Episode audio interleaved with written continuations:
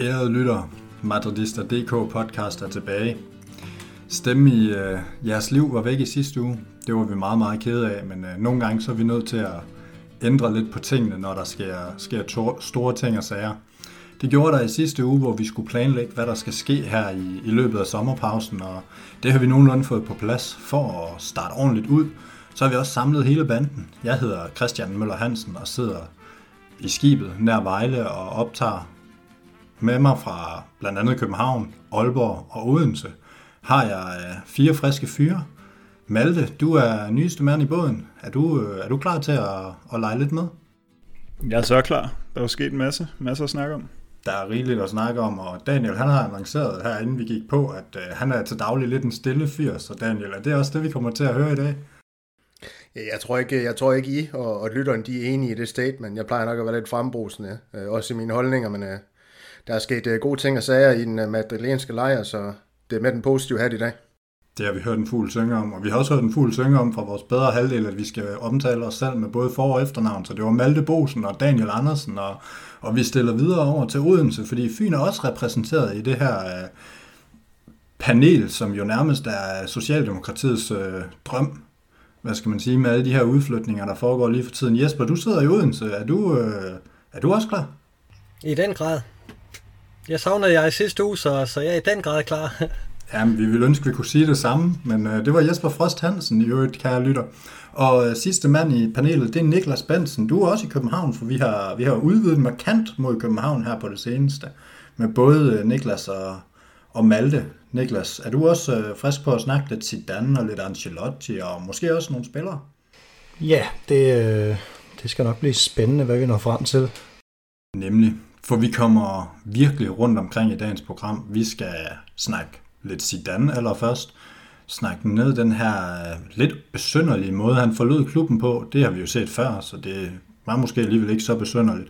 Så skal vi have en quiz undervejs. Der er, der er tre runder i dag, drenge, og det bliver udfordrende. Det er mig, der har lavet den til jer. Derudover så skal vi omkring den kære Ancelotti, vores nye italienske håb på trænerbænken, eller er det et gammelt håb?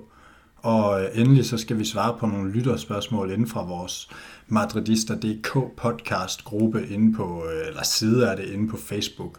Så Jesper, hvad glæder du dig egentlig mest til? Jamen det bliver den her snak med, med Ancelotti, der, der afløser Zidane, øh, hvad vi kan forvente, og, og hvad vi skal se frem til, og hvad vi måske kan frygte lidt. Det, det, det er rigtig spændende, det der sker i, i Madrid i de her dage, synes jeg. Så, så lad os få en god snak om det. Ja, der er nok at snakke om. Malte, hvad, hvis du skal slå ned på én ting, der er sket siden sæsonen sluttede, hvad vil du så, hvad vil du så slå ned på? Jamen, jeg synes, det var meget markant, det der brev, som, øh, som Zidane fik sendt ud. Det synes jeg var lidt, øh, det var lidt vildt, at han på den måde tog bladet for munden og, øh, og sendte en, øh, en kritik mod, mod klubben og mod præsidenten. Det synes jeg bare, øh, det var lidt uventet fra hans side af ja, nærmest en bred side fra den medievandte Zidane og, og gøre det i avisen på skrift, det var jo det var meget markant. Det er helt sikkert noget, vi, vi vender tilbage til. Daniel, du har, det kan lytterne jo ikke se, fordi vi optager podcast, men du har smidt øh, Ancelotti på som baggrund med La Decima-trofæet. Er du, øh, er du bare en mand i himmeri? Det er jeg. Det er ikke nogen hemmelighed, det har jeg også ytret mig om til, til jer øh, internt, at, øh, af de kandidater, der har været nævnt, der var jeg ikke øh, begejstret for, for nogen af dem sådan sønderligt, og, og det her med, at man hiver Ancelotti ind, det synes jeg, det er, det er et fantastisk træk, øh, øh fantastisk træk af, af Perez, øh, Real Madrid, at få ham ind til at, og kan få det her skib, nogen vil sige, den synkende skud til at, til at flyde sikkert videre, øh, som det er lige nu. Ja, lige præcis. Og synkende skud, altså du kan nærmest ikke lave et bedre overlæg. Niklas, din hustru, hun skal sgu også lige smides lidt under bussen. Velfortjent. Du, øh, Fuldt fortjent. Du, øh, du har en god snack klar til aftens podcast. Kan du lige øh, kan du fortælle lidt om den? Jamen, den har jeg kasseret fuldstændig, og så måtte jeg selv ud i, øh, ud i de mørke gader og, og købe lidt, øh, lidt lækkert. Du forsøgte at give den til hunden, men den ville ikke have den. Nej, præcis. Nej, rygtet det var, at uh, fruen hun havde været lidt sød og, og købt lidt chokolade med hjem til dig. Du havde håbet, det var øl, og så, ja. så var det en sukkerfri chokoladebar, du, øh, du ellers kunne få mæsk dig i. Det er ikke, øh, det er ikke for at smide din kære hustru under bussen, men øh, vi regner med lidt, øh, lidt bedre indsats fra din side. Jeg har erstattet den med en, øh, en, øh, en gin fra, fra min øh, barndomsby Herfølge. For det her boldklub i dag fylder 100 år, så tillykke til at følge boldklub. Ja, det er så også sidste gang, vi snakker dansk fodbold i aften. Det, Det må man sige. det må man sige, men tillykke til at følge boldklub. Og, øh, og stærkt at vide, at øh, du overlevede det attentat, din kære hustru, hun, øh, hun forsøgte at udføre mod den her podcast. Det var ikke gået i ålderen. Nej. Nej, det var det ikke. Det var generelt ikke gået i Jylland, det må vi jo nok bare være ærlige at sige. Hvem har brug for fjender? Men, øh, men vi skal jo til det. Vi skal også snakke lidt fodbold, når vi nu har fået smidt vores øh, kære bedre halvdel under bussen. Og øh, vi starter her til aften med at snakke lidt om Zidane og det her exit. Og, og Jesper, du har, øh, du har fået til opgave at kigge en lille smule på, hvordan det er blevet modtaget i øh, spansk presse, at, øh, at han har sagt farvel. Og også kigge lidt nærmere på det her brev, som Malte allerede har nævnt. Ja, altså til, til en start, så, så var det jo ikke en overraskelse, at Zidane sad op. Det, det havde vi jo sådan øh, lidt på fornemmelsen øh, allerede inden de sidste kampe blev afviklet i La Liga, fordi der var på sit Zidanes pressemøde sådan blev luftet lidt, at øh, han var i gang med at, at slutte af. men, men så lige pludselig så kommer den her officiel meddelelse på Real Madrids øh, hjemmeside, at øh, nu er, er Zidane stoppet, og de ønsker ham alt det bedste, og, og slår fast, at det er ham, der har besluttet, at, at han vil stoppe. Det gjorde et meget stort nummer ud af, at, at det skulle præciseres. Øh, Øh, men, men man hørte ikke rigtig noget fra hverken Zidane og, og Florentino Perez, øh, og, og det undrer man sig lidt over i, i, i spansk pres, at, øh, at, at der ikke kom en, en, en udmelding, at der ikke var nogen, der holdt et pressemøde, hvor de fortalte om bevæggrundene for, at, at den her opsigelse kom. Og den, den kom så øh, de her to-tre dage efter øh, med, med Zidanes øh, brev, hvor, hvor han jo fortæller, at han ikke føler den opbakning fra klubben, som, som han havde håbet på, og han havde håbet, at man havde husket lidt mere, øh, hvad, hvad han havde gjort for klubben, og, og støttet ham med det, og givet ham et projekt, at, at han kunne regne med øh, og arbejde videre på. Mm, og og det, det har man sådan taget lidt blandet imod i, i, i hvad hedder det, journalistkreds i, i Spanien. Altså der, der er nogen, der, øh, der, der synes, at, øh, at han selv øh, hvad hedder det, har vendt øh, klubben ryggen med, med mange af de øh, hvad hedder det, sportslige dispositioner, han har foretaget i, i løbet af sæsonen. De nævner blandt andet, at, at han ikke troede på Ødegård Jovic, der blev lejet ud midt i, i sæsonen. Så er der nogen, der, der også bebrejder ham lidt alle de mange skader, man har haft, og kalder det dårlig planlægning af, af truppen, og, og, og den et, træningstilstand, spillerne har været i. Og så hæfter man så også ved, at, at han blandt andet øh, brugt Vinicius som wingback i, i Champions League-kamp mod Chelsea. Det, det er så nogle af de ting, at, at man hiver frem, hvor man siger, der, der kunne han godt lige kigge, øh, eller vende blikket lidt indad. Øh, og, og så jeg mækker også, at, at han havde begået nogle fejl frem for bare at rette det mod klubben og, og sige, at de ikke har, har støttet ham nok. Øh, Øh, men, men han har selvfølgelig sine sin tilhængere også, og, og der, der er også folk, der, der frygter, at, at med Zidanes afgang, så, så mister man også den øh, ro, som, som øh, Zidane også bibragte klubben og truppen i det hele taget. Altså der har været ro på de indre linjer øh, i den tid, Zidane har været, været ansat. Altså han har styr på pressen, og han har styr på sin spillertrup, øh, øh og, og der har ikke været noget ballade, heller ikke med de spillere, der ikke fik så meget spilletid det, det har han styret øh, virkelig, virkelig godt, og det er jo også en af de ting, at vi nok øh, skal huske ham for, når, når vi nu mindes ham, at, at, at det var altså det, han virkelig kunne. Niklas, Jesper han er lidt inde på det her exit fra Zidane. Sådan helt ærligt, hvor, øh, hvor meget kom det bag på dig? Det, det kom ikke bag på mig. Jeg, vi har også talt om det efterhånden i, i, i måske et halvt års tid, at han lignede en mand, der, der godt kunne, kunne være lidt træt af tingene. Øhm, han har jo ikke rigtig, virker det i hvert fald som om, støttet op om, om den måde, som, som klubben køber ind på, og han har, har modarbejdet lidt den strategi, som, som klubben til synligheden har, sådan kunne det i hvert fald se ud udefra. Og så har vi snakket lidt om, at så kunne han godt ende med at blive træt af det, og, og hvis Zidane han ikke, øh, han ikke gider med, så tager han sine ting og går. Og, og det er så det, der er sket. Men har kritikere alligevel, Niklas, en pointe i, at hvad skal man sige, han heller ikke selv har formået at forny og bruge de muligheder, han har fået ind i truppen? Ja, han har jo han har jo ikke... Øh, der er ikke nogen, vil måske mene, at de her spillere ikke har fået en færre chance. Det, vi er jo ikke med på træningsbanen hver dag, så det, det kan jo være svært for os at vide, men, men det er da rigtigt nok, der er nogle af spillerne, der har spillet, og så har de måske, måske lignet nogle spillere med et niveau, som, øh, som godt kunne begå sig i Real Madrid, men, men, men i Zidanes øjne øh, har der, har der åbenbart været andre idéer, og vi ved, at han, han er rigtig glad for at bruge mange af de samme spillere hele tiden, og, og der er ikke nødvendigvis plads til to eller tre gode spillere på alle pladser. Nej, det er en god pointe. Vi vender tilbage til dig lige om lidt i forhold til, at du har haft en lille opgave med også at kigge på Zidane, men, men jeg vil egentlig gerne lige stille over til dig, Malte, fordi hvis vi kigger på det sådan her med danske madridisterbriller, hvordan har du så oplevet det her exit? Altså nu kiggede Jesper på det med de spanske pressebriller, men sådan set lidt her på afstand, har det, har det været en naturlig måde, det har foregået? Ja, naturligt. Altså, som Niklas også siger, så har det jo været forventet i noget tid efterhånden. Øhm, der har også været rygter i medierne om, han har allerede fortalt uh, truppen det nogle, nogle dage forinden. Nogle kampe forinden, uh, øh, hvilket han selvfølgelig selv benægtede. Så uh, når man kun følger med i spansk presse og, og så videre, så synes jeg, det har føltes meget... Uh, altså, jeg blev heller ikke overrasket.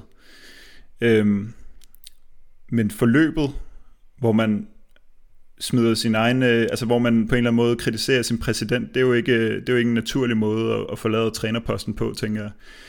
Øhm, og jeg tolker egentlig det her brev lidt som sådan en, øhm, selvom det er rimelig, eller selvom det godt kan tolkes som illoyalt over for klubben og, og magtinstanserne der, så synes jeg godt, man kan, man kan snakke om, at det i stedet for er en, et udtryk for loyalitet over for sådan hele Real Madrid-familien, hvis vi ser det på global plan, at han gerne vil love fansene og spillerne og, og alle, alle arbejderne i klubben, at, øh, at det ikke er for at, at, at, at ligesom trække stikket for tidligt, men at han ikke står inden for det længere i stedet for. Øhm, for ligesom at, at holde Madridismoen højt. Lige præcis, og synes du, at, øh, at det lykkedes ham? Ja, altså jeg, jeg, bare lige i forhold til de her kritikpunkter, vi havde lige før, der synes jeg ikke, man kan, man kan ikke kritisere Zidane for at bruge, altså fra ledelsens side, synes jeg ikke, man kan kritisere ham for at bruge øh, specifikke spillere, fordi han har hentet ind til at, at lave nogle resultater, og dybest set synes jeg, det er det, han skal, han skal begrundes på, øh, bedømmes på, og om han bruger Vinicius som, øh, som wingback eller, øh, eller ødegår projektet, det fejler.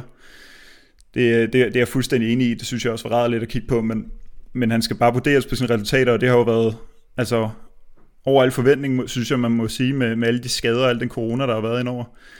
Øhm, så på den måde, så synes jeg, at han, øh, han har holdt fanen højt, og så har han bare følt, at øh, ja, den kritik, han åbenbart har følt fra klubbens side, af den mangel på støtte. Øh, altså det, det synes jeg, man må tage som, som, som øh, gode varer.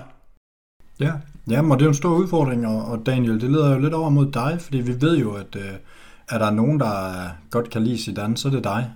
Og øh, kan du ikke give os et par punkter sådan, i forhold til, hvad du måske tænker, som Zidane ikke får anerkendelse nok for os, som nu her, hvor han er, hvor han lidt er fortid? Altså, hvad er det, vi kommer til at minde ham for? Hvad er det, vi kommer til at savne ved ham?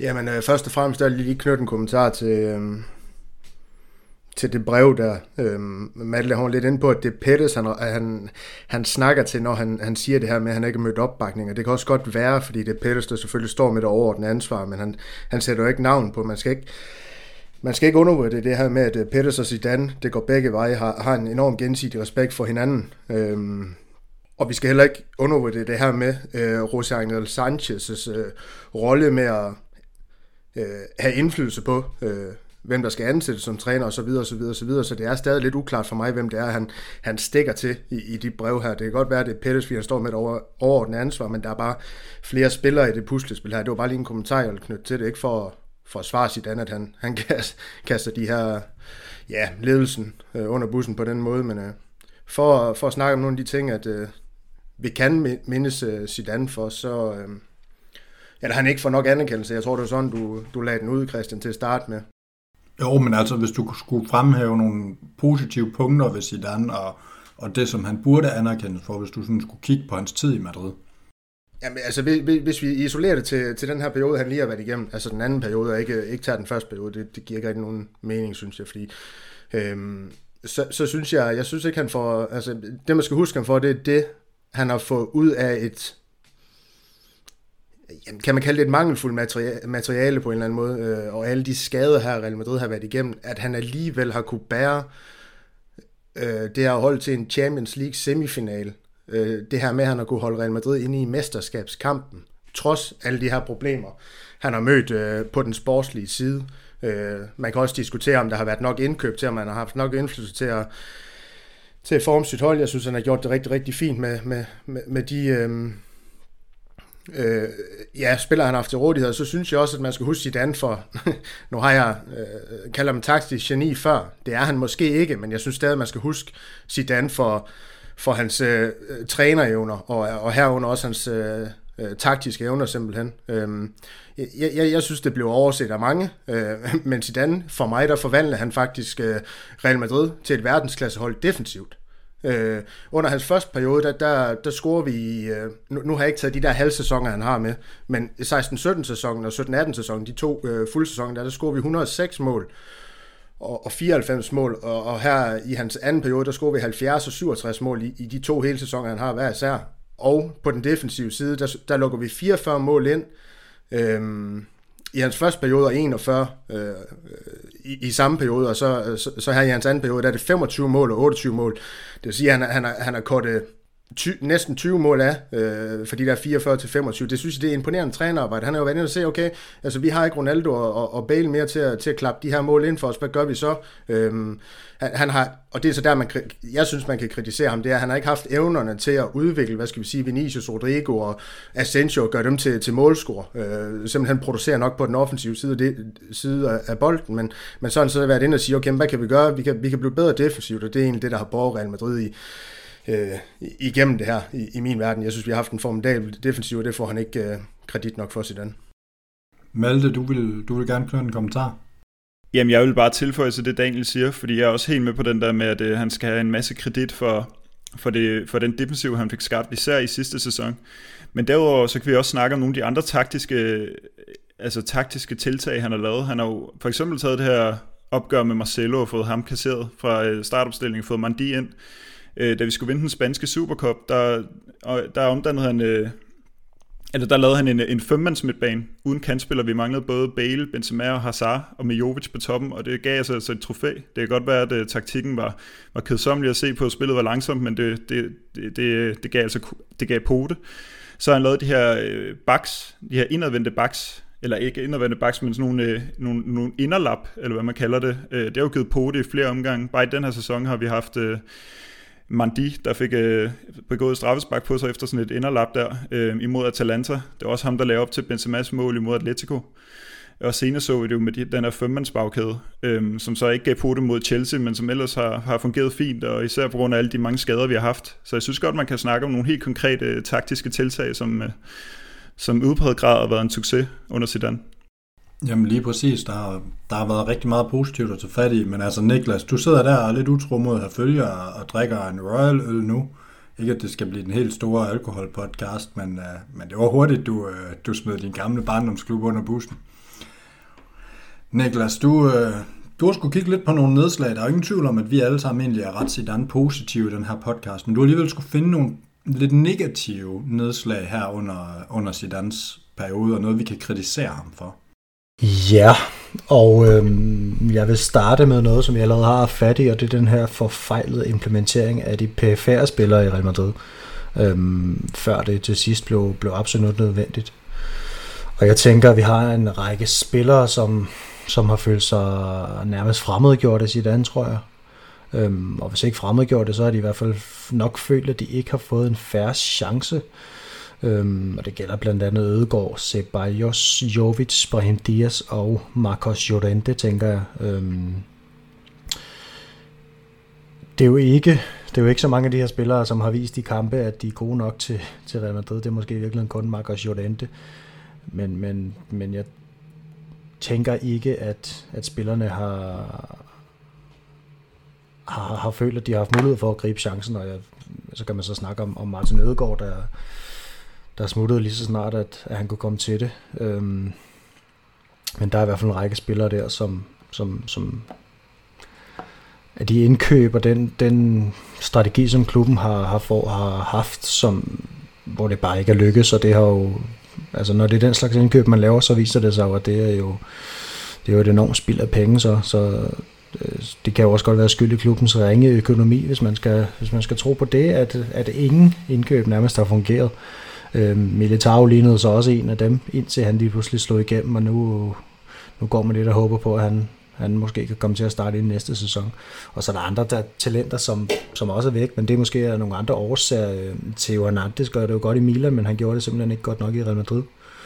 Øhm, og så er, der, så er der Hakimi, hvor for mig virker det måske som om, at det er klubben, der ikke er så vildt efter ham mere, end det egentlig er Zidane. Han nævnte også selv, dengang han smuttede, at der både er en sportslig del og en, og en økonomisk del af Real Madrid, som skal hænge sammen, og, og han står ikke for den økonomiske, så jeg tænker ikke, det er hans idé at smide ham væk. En anden fejl, han har lavet i Real Madrid, den, den, har, den har Malte faktisk lige været lidt inde på, det er det her med loyalitet, og hvor jeg faktisk har sagt, at han måske for lojal over for Real Madrid i det, i det her tilfælde her, fordi hvis han har følt sig, hvad kan man sige, han har ikke følt, at han har fået de rigtige arbejdsforhold, og vi ved jo, at at Florentino Pérez og Real Madrid ikke er blege for at gå ud og bruge pressen i sådan nogle situationer her, og, og lægge nogle ting, og ja, hvad kan man sige, plante en holdning i pressen, så har Zidane ikke gjort det samme, og, og der er jeg sådan lidt spurgt, spurgt mig selv, hvorfor bruger han egentlig ikke pressen, før han er væk? Øhm, han kommer med et skriv om problemerne i Real Madrid, men, men der er det jo for sent. Altså det er jo, når han er ude af døren. Og det viser jo bare, ligesom alle siger, at han måske er ekstremt lojal over for klubben, og også over for Pettis. Øhm, men jeg kunne godt tænke mig, at klubben måske havde fået noget modspil her. For, fordi at jeg synes, at Zidane i denne sæson har vist sig at være den træner, som, som Real Madrid øh, har brug for i, i øjeblikket. Nummer tre, den, øh, det var lidt vanskelig at finde. Der skal vi faktisk tilbage i tiden til hans forrige periode, synes jeg, fordi at der tænker jeg Copa del, øh, del Rey. Øhm, og tilbage i 2016-17, man har jo alt, altså under Zidane har man nedprioriteret den her turnering, turnering totalt. Og jeg tænker faktisk, jeg tænker både på i den her sæson, hvor man måske ikke havde udsigt til trofæer på det tidspunkt, hvor man røg ud til, til Alcoyano, men også hvis man kigger tilbage til 2017, hvor Real Madrid var Europas bedste fodboldhold, og det er måske den eneste sæson, hvor jeg sådan med, med uomtvistelig sikkerhed kan sige, at, at her var man Europas bedste fodboldhold. Og så ryger man ud til Celta Vigo i kvartfinalen øh, og misser, misser en, en triple, øh, hvor Barcelona så ender med at få et trofæ. Så det synes jeg er ærgerligt. Øh, Øhm, det synes jeg er de tre største problemer øh, under Zidane, udover det her med, at han heller ikke formår at forholde til at score flere mål, end dem Benzema han kommer med. Så scorer Sergio Ramos en masse på straffespark, og så scorer Casemiro en masse på hovedstød, men, men det er jo ikke det er jo ikke de spillere, der skal score målene, hvis man skal være tophold. Det, der skal jo være to i tre målscorer i en trup, og der var bare kun én offensiv målscorer øhm, hos Real Madrid i Zidane's anden periode, desværre. Ja, nu, nu, nu snakker Niklas øh, om den her loyalitet, og, og nævner det under hans punkter. Øh, jeg havde faktisk også skrevet øh, under punkter, som jeg synes, vi skulle mindes i den, om den her urokkelige kærlighed. Jeg ved godt, det kan blive lidt sukkersødt for, for dem, der ikke kan, kan lide sit andet lige nu, men øh, den her urokkelige kærlighed, han, han har til Real Madrid simpelthen. Øh, vi, vi skal ikke glemme, at han faktisk sendte sit, eller satte sit eftermæle på spil, dengang han, han kom tilbage i klubben i første omgang, hvor han skal ind og overtage ja, det forfærdelige arbejde, både... Øh, Øh, ja, nu ved jeg godt, der er flere her i panelet, der synes, Lopetegi, han skulle have lidt længere snor, snor men i hvert fald Lopetegi og Solari, det så, det så ikke godt ud, og så kommer han ind, og så sætter sit eftermæl på spil. Øh, det han har præsteret i, i første omgang i klubben, ikke også, og, og, og får egentlig klubben, synes jeg, på, på rette spor, spor igen. Øhm, øh, det, det skal man huske på. Øhm, og, og, og, så, som, så, og også det her med, altså han, han har jo fundet sig ret meget, Niklas sådan lidt ind på det her med, at jamen, der er måske blevet lægget nogle ting, øhm, hvem er det, der lægger det? Det er, det er jo, øh, hvis ikke Pette, så i hvert fald andre i, i øverste ledelse, ikke? Også, øh, som han så skal forholde sig til igennem pressen. Øh.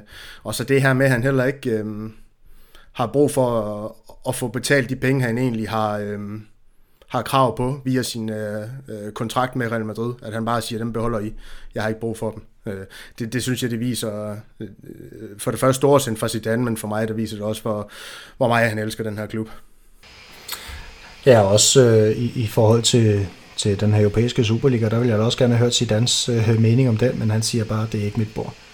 Det, det må jeg snakke med præsidenten om. Der, han, han, er, han er god for de indre linjer, Zidane, det må man sige.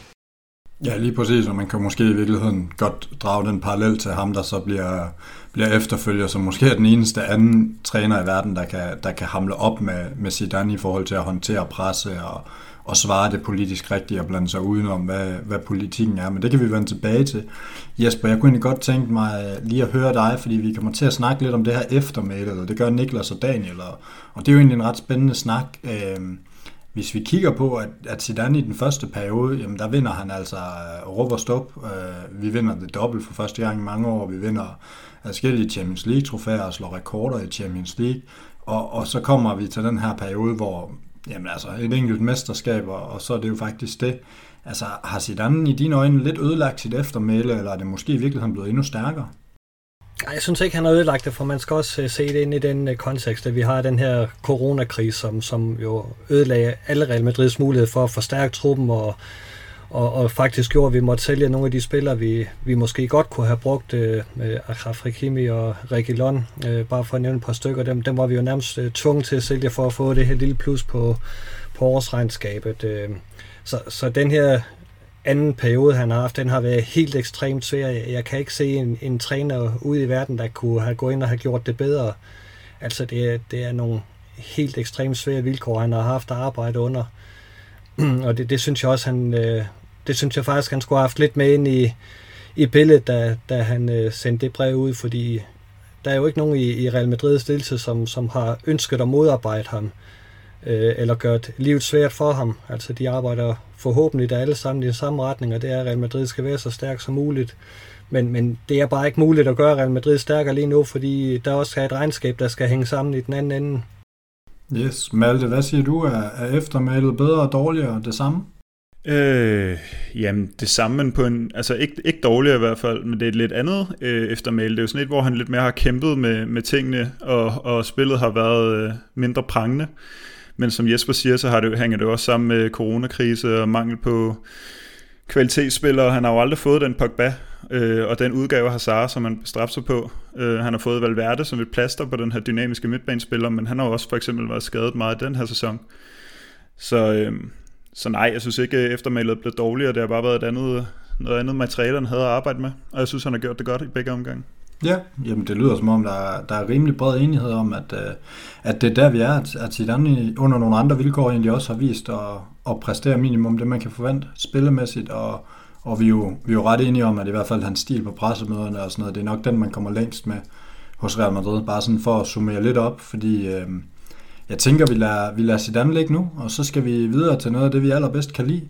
Nemlig en, øh, en god gammeldags quiz. Og i dag, der er det sådan, at vi kører tre runder. I øh, får et spørgsmål hver i hver runde, og øh, så kan jeg afsløre, at der i tredje runde, der er også lige mulighed for at score et bonuspoint, men ellers så er det et point per runde. Men, øh, men der skal selvfølgelig være lidt til sidst, og, og jeg har gjort det øh, eminente i dag, at jeg ikke har forberedt et sådan death, så I har bare ikke at spille uafgjort. Øh, fordi så er jeres quizmaster virkelig på udebane. Første runde, det handler lidt om trænere. Og øh, drenge, lige om lidt, så får I hver især nævnt tre trænere, der har været i Real Madrid. Der har været rigtig mange af dem, kan jeg øh, fortælle jer, når jeg har siddet og researchet på den her. Og øh, så skal I egentlig bare fortælle mig, hvem der har siddet i flest dage som Real Madrid-træner. Så øh, det kan I jo glæde jer lidt til, øh, og, og, og undgå at bruge Google, ikke også, øh, Daniel? Malte, du er nyeste mand ombord, så du får også lov at, at lægge ud. Er du klar på, på dit spørgsmål? Okay, de tre herrer, du skal fortælle mig, hvem der sad længst af som Real Madrid-træner, det er Santiago Solari, og her snakker vi om den periode, hvor han sådan sad og var der lidt mere end bare lige en lynkort overtagelse. Juan Ramon Lopez Caro og Mariano Garcia Ramon. Og du skal fortælle mig, hvem der sad flest længst tid af de her tre. øh, ja, Ramon kan jeg ikke engang huske. Øhm, det kan Jesper sikkert som den eneste. Han kan også huske ham, ham som målmand i klubben, bare han ikke katten, katten fra Odessa. ja, præcis. Lige om lidt, så får vi en anekdote fra Jespers ungdom. Ej, jeg tror, øh, jeg tror Cardo sad, sad lidt længere tid end uh, Solari, trods alt. Og så, jamen, Ramon er helt blank på. Jeg siger, han sad der øh, længst tid. Ramon længst, så Cardo og så Solari. Det er, det er meget, meget stærkt. Nej, hvem sagde du sad længst? Skal jeg lige høre til sidst. Øh, Ramon. Jamen, det var der, du, øh, din analyse var rigtig, men uh, dit svar var forkert. Så uh, det får du ikke noget for. Du uh, havde helt ret i, at uh, Cardo han sad længere end Solari. Han sad uh, faktisk næsten et halvt år. Det er jo, det er jo årtier i den her verden. 179 dage. Solari han uh, tog 132 dage, og Ramon han, uh, han måtte nøjes med, med 101 dage. Niklas, du, øh, du skal have nogle andre. Jeg tror, du kender dem alle tre. Fedt. Det håber jeg i hvert fald. Ellers så, øh, så er du bandlyst fra podcasten for evig tid. Bernd Schuster, Jorge Valdano og Carlo Ancelotti. Hvem, øh, hvem har siddet flest dage hos øh, Real Madrid? Det er altid rigtig godt podcast, når der bare er en... Øh, Total stille. En, der bliver helt stille. Ja. Øhm, Bernd Schuster, han, var det i 8, han vandt mesterskabet? Var det ikke det? Det, jo, han vandt i hvert fald et mesterskab. Ja. Øhm, men hvor lang tid sad han? Carlo Ancelotti, han sad i fra 13 til 15. Det... Jeg tror, det er Ancelotti. Hvad med Valdano? Ham, øh, ham udelukker du totalt? Ja. Jamen, du skal arrangere dem, skal du ikke det? Skal jeg arrangere Nej, nej, du skal bare give os den, ja. ham der har siddet flest dage. Nå, jeg troede, man skulle line dem. Der kortest tid. Jeg troede, man skulle rangere dem, og så først fik point Ja, der. det tror jeg også. Nej, nej, nej, det var længst tid. Hør nu efter.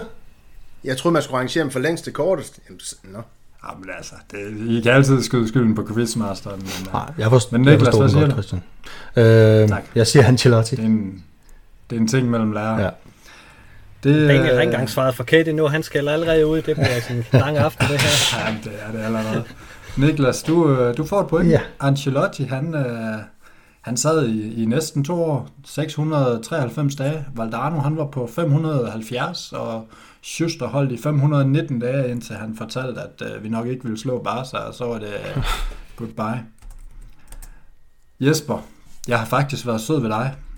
Jeg har taget øh, tre af dine øh, favorittrænere, nu er Daniel jo allerede sur igen. Er Michael Munoz en af dem, så Nej, Vi skal, vi, skal, vi skal længere tilbage, Jesper. Nej, det er ikke. Men den anden dag, der nævnte du øh, i vores interne tråd, at med mindre en hollandsk træner hedder Leo Benhager, så vil du ikke øh, høre tale om, at han, er, han har evner som træner. Så øh, Leo Benhager er den første. Den anden, det er en anden af dine favoritter, det er José Mourinho. Og den tredje, det er sidste periode med Vicente Del Bosque. Hvem sad længst af de tre herrer? det er jo enten den første eller den sidste. Benhakker fik tre år. Hvor lang tid fik? Altså jeg tænker, det er jo faktisk folk, der er på din alder. Så det, du Ja, har det er rigtigt. Chance, undtagen Mourinho, han er måske lidt ung i det selskab. Jeg tror faktisk, jeg går med, med Benhakker. Du går med Benhakker. Ja, Jeg kan afsløre så meget, at han sad i 1095 dage. Det gjorde José Mourinho også. Del Bosque, han sad i 1321 dage. 1321. Så i moderne tid, der må vi sige, på rigtig mange fronter, der var Del Bosque en, øh, en forgangsmand og en øh, meget populær træner.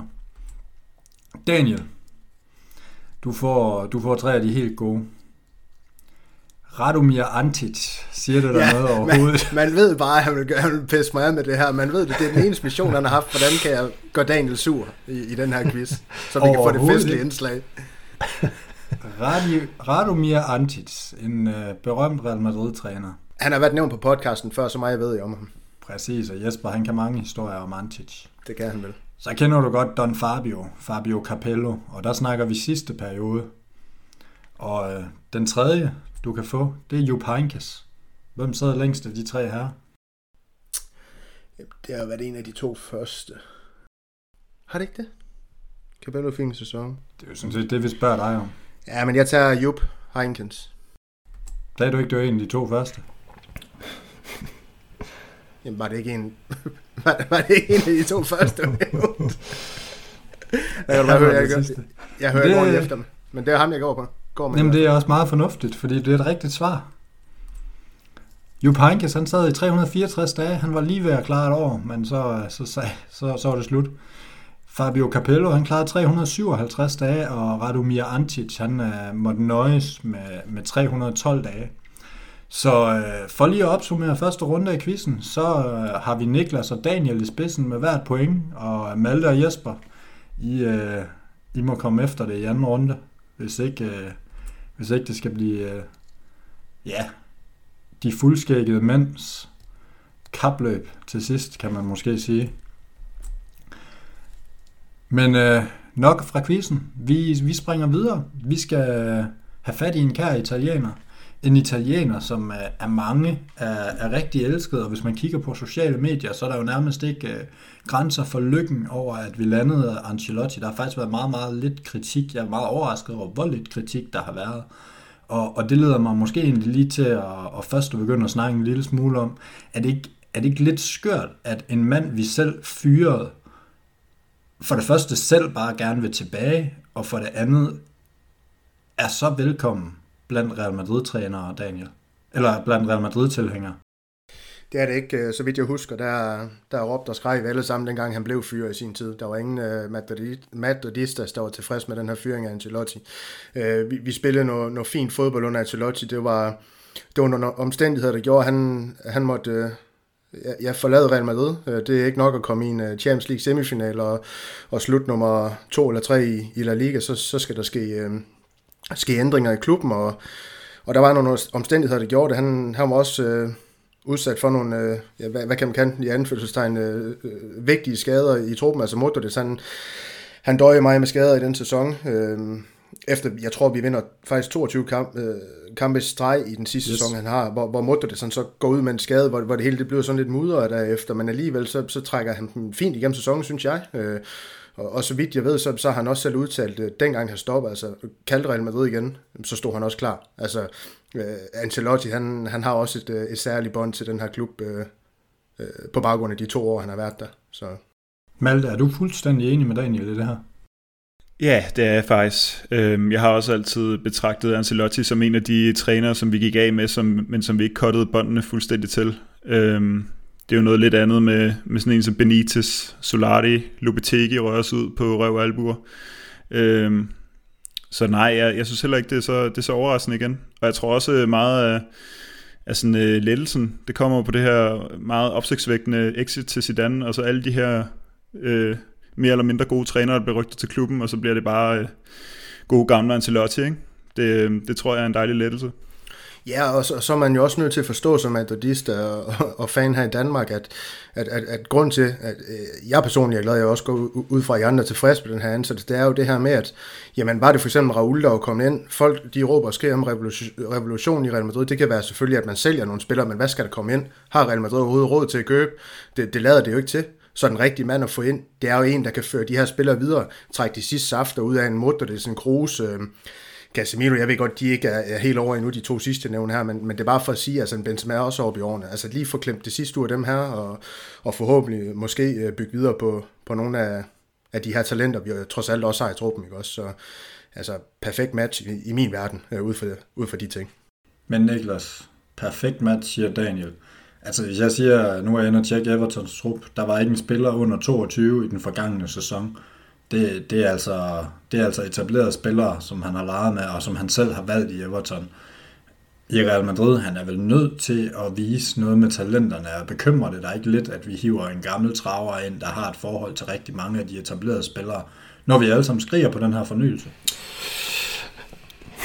Det gør vi jo ikke. Det gør vi jo ikke. Nå, und, undskyld, jeg siger, nu skal Niklas nok få lov til at svare, men det er bare sådan lidt, altså, jeg, jeg hører det igen og igen, men fornyelse, hvad, hvad, altså, skal vi ikke også være realistiske omkring det?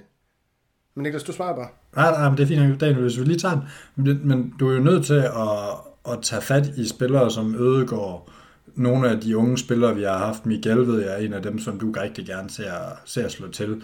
Vi har måske også en Just i midterforsvaret, vi har en Antonio Blanco, vi har Vinicius, vi har Rodrigo.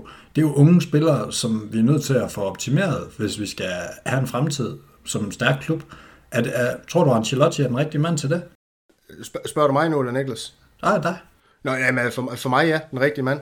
Altså, han, han nævnte jo selv på det pressemøde, han havde. Altså, de spillere, der kom, kom op fra Castilla i den sæson, altså José Morata, øh, der var nogle andre, som ikke lige, øh, øh nu når jeg lige skal nævne den her på, på siddende stol, øh, kan komme kom i tanke om Cabral, der kommer tilbage fra, fra sit lejeophold, også øh, øh, i Leverkusen, der, der går ind og, og og, og får en rolle i truppen. Øh, Gutierrez og Blanco, de kommer ikke til at starte under alle omstændigheder. De skal, de skal bygges op, og, og det kan de også under Ancelotti, fordi det bliver øh, under alle omstændigheder, hvis de bliver en del af førsteholdstruppen i en mere PFR rolle med, med, med den spilletid, de nu engang kan komme til. Der kan jo være skader og så videre og så videre. Altså, jeg kan ikke se, altså Ødegaard har jo vist, hvad han kan. Ødegaard er jo ikke et talent på den måde længere. Altså, hvad er han, når han kommer tilbage? Er han ikke efterhånden, hvad, 22, 23? Altså, så vi står med en spiller, at, at Ancelotti, han, øh, ja, han skal til at bygge op. Øhm, øh, på den måde var, havde han ikke også Kaká i, i AC Milan, da han var, han var ung. Altså bare et eksempel på en spiller, han godt kunne, øh, øh, kunne gøre noget med, øh, men, men rutinere midtbanen med, var, var det Pirlo Gattuso og Ambrosini, eller hvad, hvad det var der dengang. Øh, det er bare for at sige, at øh, han har også gjort noget på talentet tidligere. Jeg, er med på, at det ikke er, er så markant, som folk de gerne vil have det gjort til, men igen, hvorfor skulle Raul være den rigtige mand og, og gøre det med? Han har en sæson i Castilla øh, med hans erfaring, altså det er jo ikke nok. Kom nu lige. Niklas, hvad tænker du? Er Ancelotti den rigtige mand til, til talentarbejdet og til at, til at føre, hvad skal man sige, tro Og nu bliver jeg sur alligevel. En ny tid. Det, det var fuldstændig, øh, altså vi har næsten savnet det. Niklas? Ja, man må i hvert fald gå ud fra, at han ved, hvad han går ind til. Han har jo nok talt med, med nogle mennesker i klubben, inden han kom ind og fået at vide, hvad vi har gået godt med. Øh, det eneste, der lige bekymrer mig, det er den her snak om Marcelo, som, som efter sin ikke skulle ønske, øh, skulle, skulle ønske at forlade Real Madrid, og, og om det kan stå i vejen for, for Miguel Gutierrez, det synes jeg vil være ekstremt ærgerligt. På de andre positioner, ja, jeg tænker, at øh, hvis man er god nok, så, så er man også gammel nok i Real Madrid, og så skal man også nok få lov til at spille, og jeg håber da, at når nu han har været væk i, i seks år, at, at, at han så ikke går ind og, bliver for sentimental, det kunne jeg heller ikke forestille mig. Han er også kommet for at vinde, øh, vinde fodboldkampe og vinde turneringer, og det, og det gør man med de bedste spillere, man har til rådighed. Malte? Jamen, jeg vil bare lige tilføje lynhurtigt, øh, fordi nu nævnte øh, Daniel øh, Kaká, altså det var også Ancelotti, der rykkede Pirlo tilbage fra en, øh, en offensiv position til en, som defensiv midtbanespiller. Vi har haft i Maria-omskolingen øh, fra kant til en central øh, midtbanespiller der, øh, i sidste Real Madrid-periode. Men det helt dugfriske friske eksempel, det er jo øh, Calvert-Lewin fra Everton, som han øh, i den grad har rykket øh, her i, i løbet af Everton-tiden. Han scorede, øh, før Ancelotti kom til klubben, så scorede han henholdsvis 4 og 6 øh, mål i Premier League, og det er altså på over 30 kampe. Så kommer Ancelotti til der i øh, december eller september, eller hvornår det er. Han scorede 13 mål i den første Premier League-sæson, og så scorede han 16 i den næste, altså i den, vi lige har spillet. Og han, er nu, han blev nummer 6 på topscore-listen i Premier League, og nu er han med til EM. Og, det er jo, øh, og da han har selv været ude, ude at udtale, Ancelotti, at han ligesom har prøvet at gøre ham til en slags Inzaghi, sådan en fox in the box. Øhm, så han, han, han nævner altså også det her med, med at rykke spillere. Det synes jeg, vi har set mange gange, især hvis vi kigger sådan historisk på det, og ser, hvem man har haft under vingerne. Og det, det er jo rigtig gode pointer. Det er jo heller ikke for, fordi jeg nødvendigvis er, er vanvittigt uenig, men, men Jesper, hvis vi, hvis vi lige griber lidt fat i det, så er Niklas jo også lidt inde på det, og, og det, vi, jo, vi er jo nødt til at forholde os til det her, at Ancelotti kommer til, Ramos var på vej ud, nu, nu de seneste bulletiner går på, at, øh, at der skal være møde i de kommende dage. Det kan garanteret være, at der er kommet noget helt andet, inden, inden den her podcast udkommer, men, men, men det går på, at de skal mødes i de kommende dage, fordi han måske alligevel skal blive Vasquez har forlænget, Nacho er ved at forlænge, og, og Marcelo er der også snakker om, han skal blive. Altså det, det skriger vel ikke lige frem fornyelse? Nej, det gør det ikke. Øh, øh, og og det, det er jo en af de ting, at, at han virkelig skal ind og arbejde med, med truppen. Jeg tror, øh, nu, nu har han rykket træningen lidt frem, så de starter lidt før. Det er jo givetvis for at se de her spillere ind, hvor mange af dem kan han rykke og, og, og få op i niveau, øh, og, og hvem skal, skal så væk, fordi det, det er jo tit, der, der sker noget på, på det her Real Madrid-hold. Om, om det lige skal, skal være Mbappé, som vi alle håber på, det, det er jo en ting, men, men der er jo også, øh, hvad hedder det, spiller på vej op øh, fra, fra Castilla-mandskabet. Altså vi så, som vi har snakket om, med Miguel Gutierrez og Antonio Blanco, som, som virkelig bragede igennem og, og gjorde det rigtig godt. Øh, og det vil da være synd ikke at, at give dem chancen. Øh, og det, det gjorde han jo også i sin første periode. Ancelotti rykkede nogle unge spillere op, øh, og, som var med til at give noget, noget ny dynamik. Det fortalte han på, på pressemødet i går, at, at det faktisk var stærkt medvirkende til, at, at, at øh, det gik så godt øh, spilmæssigt. Det var, at de her unge spillere kom op og gav noget, noget fornyet tro på det. det. Det kan man da håbe, at han kan finde sådan nogle spillere, for øh, ellers så ser det lidt vanskeligt ud. Ja, men lige præcis. Lige præcis. Og du er lidt inde på den her historik med, med hvad hedder det, Ancelotti. Hvis du sådan kigger på det, og med hans første periode en mente, hvor, hvor vi vinder La Decima, hvor, hvor, hvor rangerer han så som Real Madrid-træner? Jamen, jeg synes, han, øh, han rangerer øh, forholdsvis højt. Altså, det, det er klart, øh, på, på titler kan han jo ikke være, være helt med i, i forhold til Vicente del Bosque og Miguel Munoz og, og Zinedine Zidane.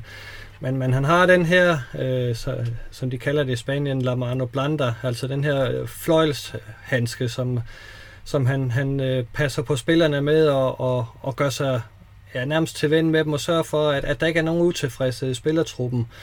Og det er jo historisk set øh, den trænertype, øh, som giver de bedste resultater i Real Madrid. Altså der er mange, der snakker om, at vi skal have en indpisker, en der løber ud på sidelinjen og råber op og skriger af sine spillere og, og hvad hedder det, pisker dem til træning, øh, fordi nu skal, nu skal spillerne indordne sig og, og hvad hedder det, være deres løn bekendt, men det er bare ikke den type træner, der, der overlever i Real Madrid ret længe. Altså, de bliver frosset ud øh, af spillertruppen. Det bedste eksempel er jo Camacho, som holdt i ja, lige knap en måned, så var han sendt på gaden igen af spillertruppen, der simpelthen ikke gad at arbejde sammen med ham det, det er jo også den virkelighed, man lige må have, have med, når man snakker Real Madrid, at, at der er altså en magtfuld spillertrup, som, øh, som trænerne skal kunne samarbejde med også, og ellers så kommer det ikke til at gå, og, og den type øh, træner er Ancelotti. Så, så på den måde er jeg, er jeg egentlig rimelig fortrøstningsfuld, øh, selvom det er lidt af, lidt af det samme som med, med Zidane. Altså det, på den måde er der jo ikke fornyelse. Det, det er bare lidt en, en forlængelse af, af Zidane, at vi får med, med Ancelotti.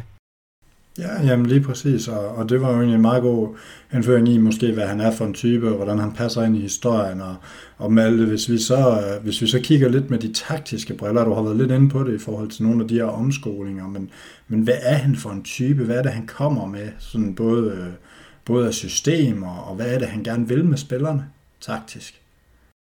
Øh, jamen, jeg har jo prøvet at læse lidt op på ham, og han er jo øh, skolet af ham her, den gamle, berømte italienske træner Adicho Øh, Sachi hedder han vist, øh, og hvor han kørte med en meget øh, sådan solid 4-4-2, ganske italiensk. Øh, men siden han har han, jo, har han jo egentlig rykket sig ret meget. Han er jo berømt for den her juletræsformation, som han havde i, øh, i Milan, som Daniel også har nævnt, med, med Kaká og Rui Costa liggende som sådan nogle offensive midt foran tre midtbanespillere blandt andet. Ja, Sedorf har det nok været, og Gattuso vil jeg gætte på, og så Inzaghi og foran.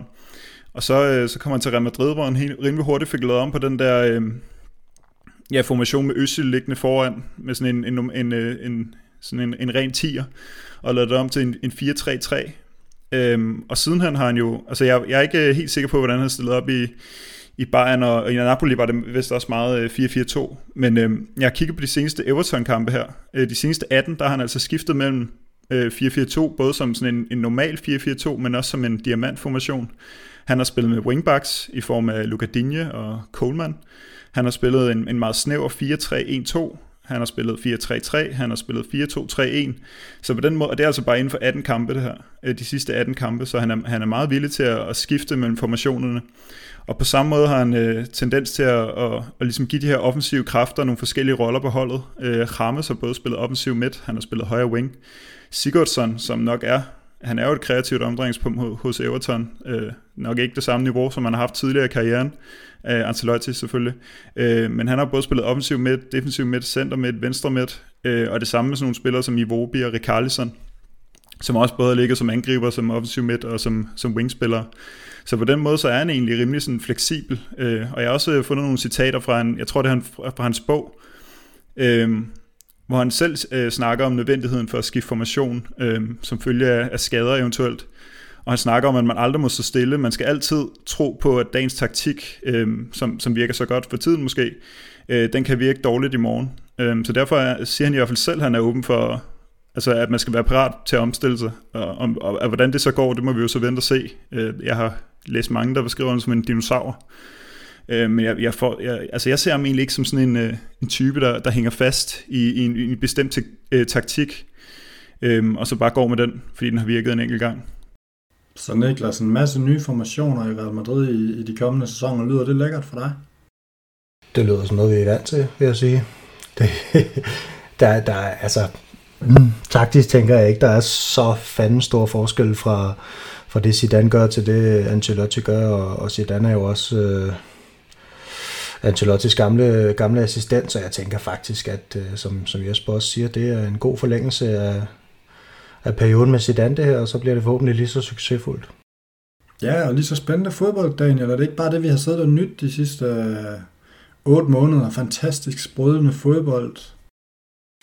Det her med revolution og sådan noget her, det, øhm, og med at være innovativ, altså, det, det, det, skal overføres til fodboldbanen, det skal overføres til det, Ancelotti, han, han kommer til godt taktisk. Øhm, kigger man på hans første periode i klubben, altså det var over 100 mål i begge de sæsoner, øh, vi scorede i ligaen alene. Jeg ved godt, vi havde Ronaldo og, og en, en ung og, og sportsligt motiveret Bale på, på det tidspunkt, der, der brager mål ind i, i ligaen, men øh, Ancelotti, jeg er ikke i tvivl om, han kommer til at arbejde med nogle andre ting offensivt, end Zidane han har gjort i, i klubben. Det er der, han kommer til at lægge sit fokus. Han kan jo godt se, om det defensive fundament lige nu, jamen det er jo på plads, så ved jeg godt, at jamen, mister vi Ramos, mister vi Varane, så må vi jo ja, se, hvad der skal, skal ske, øh, og hvordan defensiven kommer til at stå, og, og om den kommer til at vakle, men under alle omstændigheder, er jeg sikker på det, at Ancelotti han kommer til at gå ind og arbejde med, det er det, er det her offensive potentiale på siderne af Benzema, som, som klubben den har, og som den han, han, han ikke formåede at, at, at få forløst. Øh, Vinicius, Rodrigo, Asensio,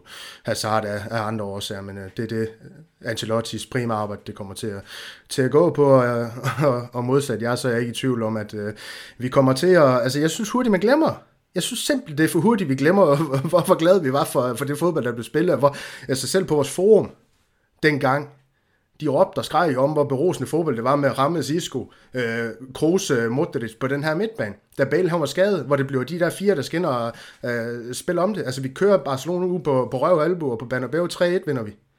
22 kampe streg. Altså det var offensivt, det var, det var berosende, det var flot. Hvorfor skal vi ikke kunne gøre det igen? Jeg ved godt, omstændigheder det er anderledes, det er en anden trup, men altså, giv ham nu lige øh, en chance for at gå ind og bevise, at han godt kan det her. Og jo, nu, skal vi jo, nu skulle vi jo gerne belyse tingene fra flere sider, og, og det er vel også en stor del jo, af jeg kommer ikke til at belyse det negativt. Jeg, jeg kan kun se positive ting i, at Ancelotti er tilbage. Du får mig ikke på den her, Christian. Jeg kommer ikke til at sætte negative ord på, på Ancelotti. Det, det er helt i orden, men derfor kan vi jo godt få nogle andre til der. Vi er jo nødt til at, far nødt til at kigge hjem. på nogle af udfordringerne ved det. Hvad siger du, Niklas? Jeg siger, far han er kommet hjem. Ja, det er og det er, det er der mange, der er glade for. Og man må vel også sige, at en stor del af udfordringen lige nu, netop omkring Ancelotti, det er vel netop, at, at vi kan jo alle sammen godt sidde og ønske, at vi skal spille berusende fodbold, men det bliver jo bare ikke berusende, hvis vi ikke har nogen, der kan score mål. Øhm, og det er jo en stor del af sandheden om Real Madrid lige nu. Vi belyste den også tidligere i forhold til Zidane, at, at der er simpelthen ikke nok målscorer i Real Madrids trup, og det er jo, det er jo alfa og omega, at vi får, vi får tilført en målscorer den her sommer. Og det er jo så, det er jo så noget af det, vi kommer til at diskutere hen over sommeren, det er, hvem kunne være mulig og lykkes det overhovedet at hente nogen. Daniel, du ser lidt uforstående. Jamen det gør jeg, fordi Malte han har lige ridset et eksempel op, om hvad Ancelotti han kan gøre med en offensiv spiller. Han kan, han kan smække 10 mål på ham smæk 10 mål på Vinicius, så står vi med en spiller, der, der, der, der scorer 10 mål. Altså, det vil jo være, det vil jo være fremragende. Altså, når nej, det er bare for at sige, får vi noget slutprodukt på de offensive spillere, jamen, så, så begynder det jo at se fornuftigt. Han siger også selv, at Benzema, han skal ikke score 30 mål, han skal score 50 mål. Oh, jo, det var det, han sagde altså... på pressemødet. Det er jo selvfølgelig urealistisk, men det er bare for at sige, jamen, han siger, at der skal bygges på, noget på de her offensive spillere. Men, men urealistisk, det var måske mere at, at proppe 10 mål på, på Vinicius, men Jesper, det vil du, øh, det vil du gerne kende. Ja, det, det vil jeg nemlig godt lige sige, fordi det er jo bare Ancelotti, vi er ansat, det er ikke julemanden. Altså, 10 mål på, prop det på Vinicius, da, da, da, der skal man godt nok uh, have nogle gode piller, hvis man skal tro på det. fordi det Jamen, jeg, tager, jeg, tager, jeg tager gerne nu. Vinicius, han scorer 10 mål mere i næste sæson, han har gjort den her sæson, Jesper. Er det snøfter, vi har Er det ikke mål? Jeg ved ikke, hvad han har scoret. Er det snøfter, vi har boykan? Nej, han, har, han lavede to mål. Nu er jeg nødt til lige at gå på tværs. Er det i alle turneringer, drenge? Ja. Det er i alle turneringer. 10 mål mere. To mod Liverpool. Og I to, I ved simpelthen brunsviger, og taberen bestemmer, om det er med eller uden flødeskum. Ja. Det er en aftale. Det er jo godt, drenge. Så vi altid mødes over lidt kage. Niklas, øh, tror du på, at øh, Ancelotti han kan proppe 10 mål på Vinicius? Slap af, det var et eksempel, nu skal jeg ikke tage det. han siger jo faktisk selv, at han skal score 30, gør han ikke det? Det ved jeg ikke. Sagde han ikke det til jeg- at jeg- Benzema skulle score 50, og Vinicius skulle score 30? Så kan vi nok godt nå de 100. Ja, så, så kan vi godt begynde at kalde ham en succes i hvert fald. Hvis, hvis det skulle lykkes. Men øh, ja, jeg, tænker, altså det, jeg tænker jo heller ikke, at de her spillere her, de bliver fuldstændig magiske hen over sommeren. Altså jeg tænker, at øh, man kan måske dreje lidt på nogle knapper, og så kan det være, at der er nogle, nogle flere spillere, der kommer til chancer lige nu. Er det, handler det rigtig meget om Vinicius hurtighed, og at, øh, at modstanderne forhåbentlig efterlader et rum øh, bag sig, for at han kan løbe ind i det. Og øh, forhåbentlig så kan vi, kan vi jo få presset en del af spillet lidt, lidt højere op, så der også er nogle flere spillere, der kommer til, til nogle flere chancer inde i feltet. Daniel? Daniel, vil du ikke sige noget? Øhm, nej, den, den tabte lige. Det, så har vi også prøvet det, dreng. Det er dejligt. Der er helt, øh, der er helt ro fra panelet, men, men Daniel, du har jo faktisk også haft en opgave i dag, og, og det har jo været at, at kigge på, hvad er det de sværeste valg, Ancelotti han står over for. Du har faktisk fået til opgave at finde tre. Øhm, så det er vi jo egentlig lidt spændt på at høre. Ja, det, vi har jo måske også taget lidt hul på det, øh, og det var nok godt derfor, jeg var, havde nogle holdninger til det. Nu tabte jeg jo tråden, men øh, hvad hedder det? Jeg har sådan lidt valgt, at, altså, du, du sagde valg, jeg har, jeg har valgt lidt at, at, at kalde det altså i virkeligheden uh, Ancelottis største udfordringer uh, uh, med det her, han skal til i gang med, og det er, som vi har berørt, uh, den her revolution, han skal til at forestå med den her trup. Uh, der, der, der skal jo renses ud i et eller andet omfang, og så må vi se, hvordan det kommer, kommer til at være, og så så jeg jo gerne, at han på en eller anden måde kunne få bygget noget fornuftig bro mellem vores talentfulde Castilla-spillere og så, og så førsteholdstruppen, ikke også? Jeg ved ikke, om det er ønsketænkning, men i hvert fald de her Blanco, Gutierrez og Arriba, som måske er i virkeligheden er de tre største, at de, øh, om ikke andet i hvert fald kommer til at snuse til noget, til noget førsteholds fodbold. Så den der balance, det går være en, en, en lille revolution i hvert fald. Vi kan godt sige, at han har været i gang med den, men det er bare for at sige, at, at, at det er den vej, han er nødt til at gå, fordi vi kommer ikke til at, at smide penge ud af, ud af, hvad hedder det, um, ud af vindue på den måde den her sommer. Øh, der er, i pressen er der jo lagt de kakkeloven til, at Real Madrid de vil hente et stort navn i august, men nu må vi se, hvordan det kommer til at, til at se ud. Hvis for eksempel Sergio Ramos og Varane øh, smutter, så skal vi jo nok ud og have en Pau Totes eller en Kunde eller et eller andet i stedet for jo, øh, til, til at udfylde, udfylde det hul. Men, men det var sådan det første punkt, jeg ved jo gerne, du vil have, altså du vil gerne, at vi skulle diskutere de her ting, så de andre de kan få lov til at kommentere på det, om, om det er en af de udfordringer, han kommer til at stå for. Ja, men jeg tror, jeg måske vil, jeg vil omformulere det lidt, og så spørge dig, Malte, at, at, at tror du, han lykkes? Tror du, han har lige så meget fokus på det her, som, som vi har? Det er jo ikke altid, at en træner, han, han vil helt det samme som fansene. Øh, altså, han har jo allerede sagt på pressekonferencen, at han vil... Øhm, at han vil skabe offensiv, spektakulær fodbold, tror jeg, det var, han kaldte det. Og det kræver også at få gang i de her kandspillere. Øhm, og, de, og der kan det godt være, at han ikke kan, at han ikke kan, at han ikke nødvendigvis kan få Vinicius til at score 10 kasser. Men der har jo været øh, tekniske spillere tidligere øh, under Ancelottis ledelse, som der har udtalt sig positivt om det her med, at de får kreativ frihed. Thiago øh, fra Bayern øh, på det tidspunkt havde blandt andet, øh, han var glad for at få kreativ frihed, han har mødet og snakke om. Så kan det godt, og, og det kan godt være, at Zidane har taget den tilgang lidt på sig, og så har han givet Vinicius kreativ frihed. Men det er jeg ikke sikker på, hvad man får ud af at give Vinicius kreativ frihed, fordi det er ikke sikkert, at han selv har noget begreb om, hvordan han skal bruge den. Der kunne jeg egentlig godt øh, se frem til, at Vinicius kommer under vingerne på en så gavet træner, fordi Zidane er en rigtig stor træner, men han har ikke haft lige så mange stjernespillere og øh, været i lige så mange klubber. Øhm, Altså, Ancelotti, han har haft, altså vi nævnte før, Kaká, Rui Costa, Isaki, Deco, Lampard, han har haft så mange store spillere under sig. Altså, jeg, jeg bliver nødt til at tro på, at han, at han kan give Vinicius nogle redskaber, i det mindste, og, og måske også Rodrigo. Altså generelt få, for gang i det her kantspil, som, på nogen, som, som ofte har set øh, ja, sådan statisk ud på en eller anden måde, fordi de bare ender med at stå over for et hav af forsvarsspillere, og så skal de gøre et eller andet helt vildt, eller gå i nogle kombinationer. Der tror jeg, det, det er godt med nogle, nogle konkrete redskaber. Det, tror jeg, det håber jeg på, at Ancelotti han kan, han kan bidrage med. Ja, lige præcis, og der kan det måske hjælpe, at han har den her erfaring som træner lidt mere end Zidane, som, som jo i høj grad også havde den som spiller. Jesper, du sidder sådan lidt, og jeg kan næsten se på dig, at du vil gerne sige noget, og så er du lidt i tvivl, om du alligevel skal byde ind. Så nej, nej, jeg lytter interesseret. Jeg lytter interesseret. Nå, det er rart, at, at vi også er nogen, nogen der kan det. det. Det er rigtig dejligt, men Jesper, vi vil jo gerne høre om, om du tror, at, at vi vil få den her fornyelse, som, som vi alle sammen snakker om, eller om, om det i virkeligheden bliver lidt mere af det samme. Jeg, jeg håber jo stadigvæk, at, øh, at der kommer lidt øh, flere indkøb end bare øh, David Alaba, fordi hold trænger til, til noget fornyelse, og, og, og det kommer ikke bare med, med de spillere, vi får hjem fra udlandet, for der er ikke nogen af dem, der har gjort uh, nævneværdigt godt. Altså, det har vel nærmest over hele linjen været til, til glemmebogen. Uh, så så, så der, der vil jeg ikke hænge min hat på, at, at de kan komme tilbage og, og hvad hedder det, løfte det her Real Madrid-hold. Øh, Øh, det, der, der har jeg næsten kun troen på, at, at de unge spillere, vi, vi har snakket om, at, at de kan komme ind og give lidt, men, men de kan jo ikke komme ind og give nok. Øh, så så der, der, skal, øh, der skal hentes nogle spillere udefra, som, som kan være med til at løfte det her spil. Lige præcis, lige præcis. Daniel, øh, vi skulle have et par, par nedslag mere. Jeg tænker, nu har vi været omkring Ancelotti i en, i, en en rumtid, så, så lad os prøve at, at lige tage dem øh, kort. De næste to nedslag, du havde, hvad, hvad var det i forhold til udfordringer hos Ancelotti? Ja, men det var egentlig det, jeg også ville have sagt, øh, da jeg lige blev lidt paf, og, det er faktisk det her med skaderne. Øh, på en eller anden måde få bug på det, fordi altså det her med Zidane, han brugte så mange forskellige opstillinger det her med, at øh, Zidane han øh, brugte så mange forskellige formationer, øh, eller formationer, det var jo også affødt af alle de her skader, vi havde i, i sæsonen 20, 20 2021 også, og, og kan Ancelotti på en eller anden måde få, få bugt på dem øh, via den her ansættelse af Pintus, som det lader til, øh, der blev præsenteret som fysisk træner i, i, i den stab, han, han kommer til at rulle ud med, jamen øh, så, øh, så det et fornuftigt udgangspunkt øh, til at kunne, kunne, kunne, kunne skabe noget kontinuitet i, i både startopstilling og, og det, han, han nu engang vælge. Øhm, og så det sidste er også det, vi har været inde på, det her med at forløse det her offensive potentiale, som, som truppen jo har, altså med de her unge spillere.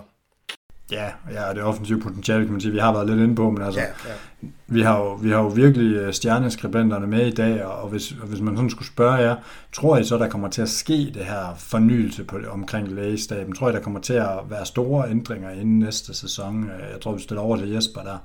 Jamen, de snakker om, at, at øh, Pintus kommer tilbage, øh, og, og han har jo gjort noget ved Inter i hvert fald. Øh, deres øh, skadesituationer har været langt lettere, øh, end, end den Real Madrid har været stillet overfor. Øh, og man kan jo godt frygte lidt, at, at Real Madrid med, med Dupont, som, som tidligere har været omkring det franske landshold, at, at han måske mere har været specialiseret i at, at holde en trup klar til, til små korte turneringer. Altså man så sidste sæson, hvor, hvor vi kom tilbage efter coronapausen og skulle spille de her 11 kampe her. Det er en, det er en god lang slutrunde. Der, der var Real Madrid jo markant bedre end, end øh, sin modstander, fordi man simpelthen var mere frisk, og, og der, der kunne jeg godt have Dupont mistænkt for, at, at han er rigtig god til at sætte øh, en trup op til at kunne klare øh, sådan øh, 11 kampe i et sammenpresset program, mens det måske er lidt svært for ham øh, over en hel sæson med 38 kampe i La Liga og nogle Champions League kampe osv., der, der virker Pintus øh, jo i hvert fald til at, at have, have mere hvad hedder det, kluberfaring, end, end Dupont havde, og det, det kan man da håbe på, at, at det kan, kan betyde noget. For, fordi det er, det er ganske alvorligt. Vi har haft så mange skader i, i, i den her sæson, og det er jo også helt unaturligt. Ja, det er jo, det er jo en stor udfordring. Øhm, drenge, vi, øh, vi leger lige en leg her til sidst omkring Ancelotti, inden vi går videre.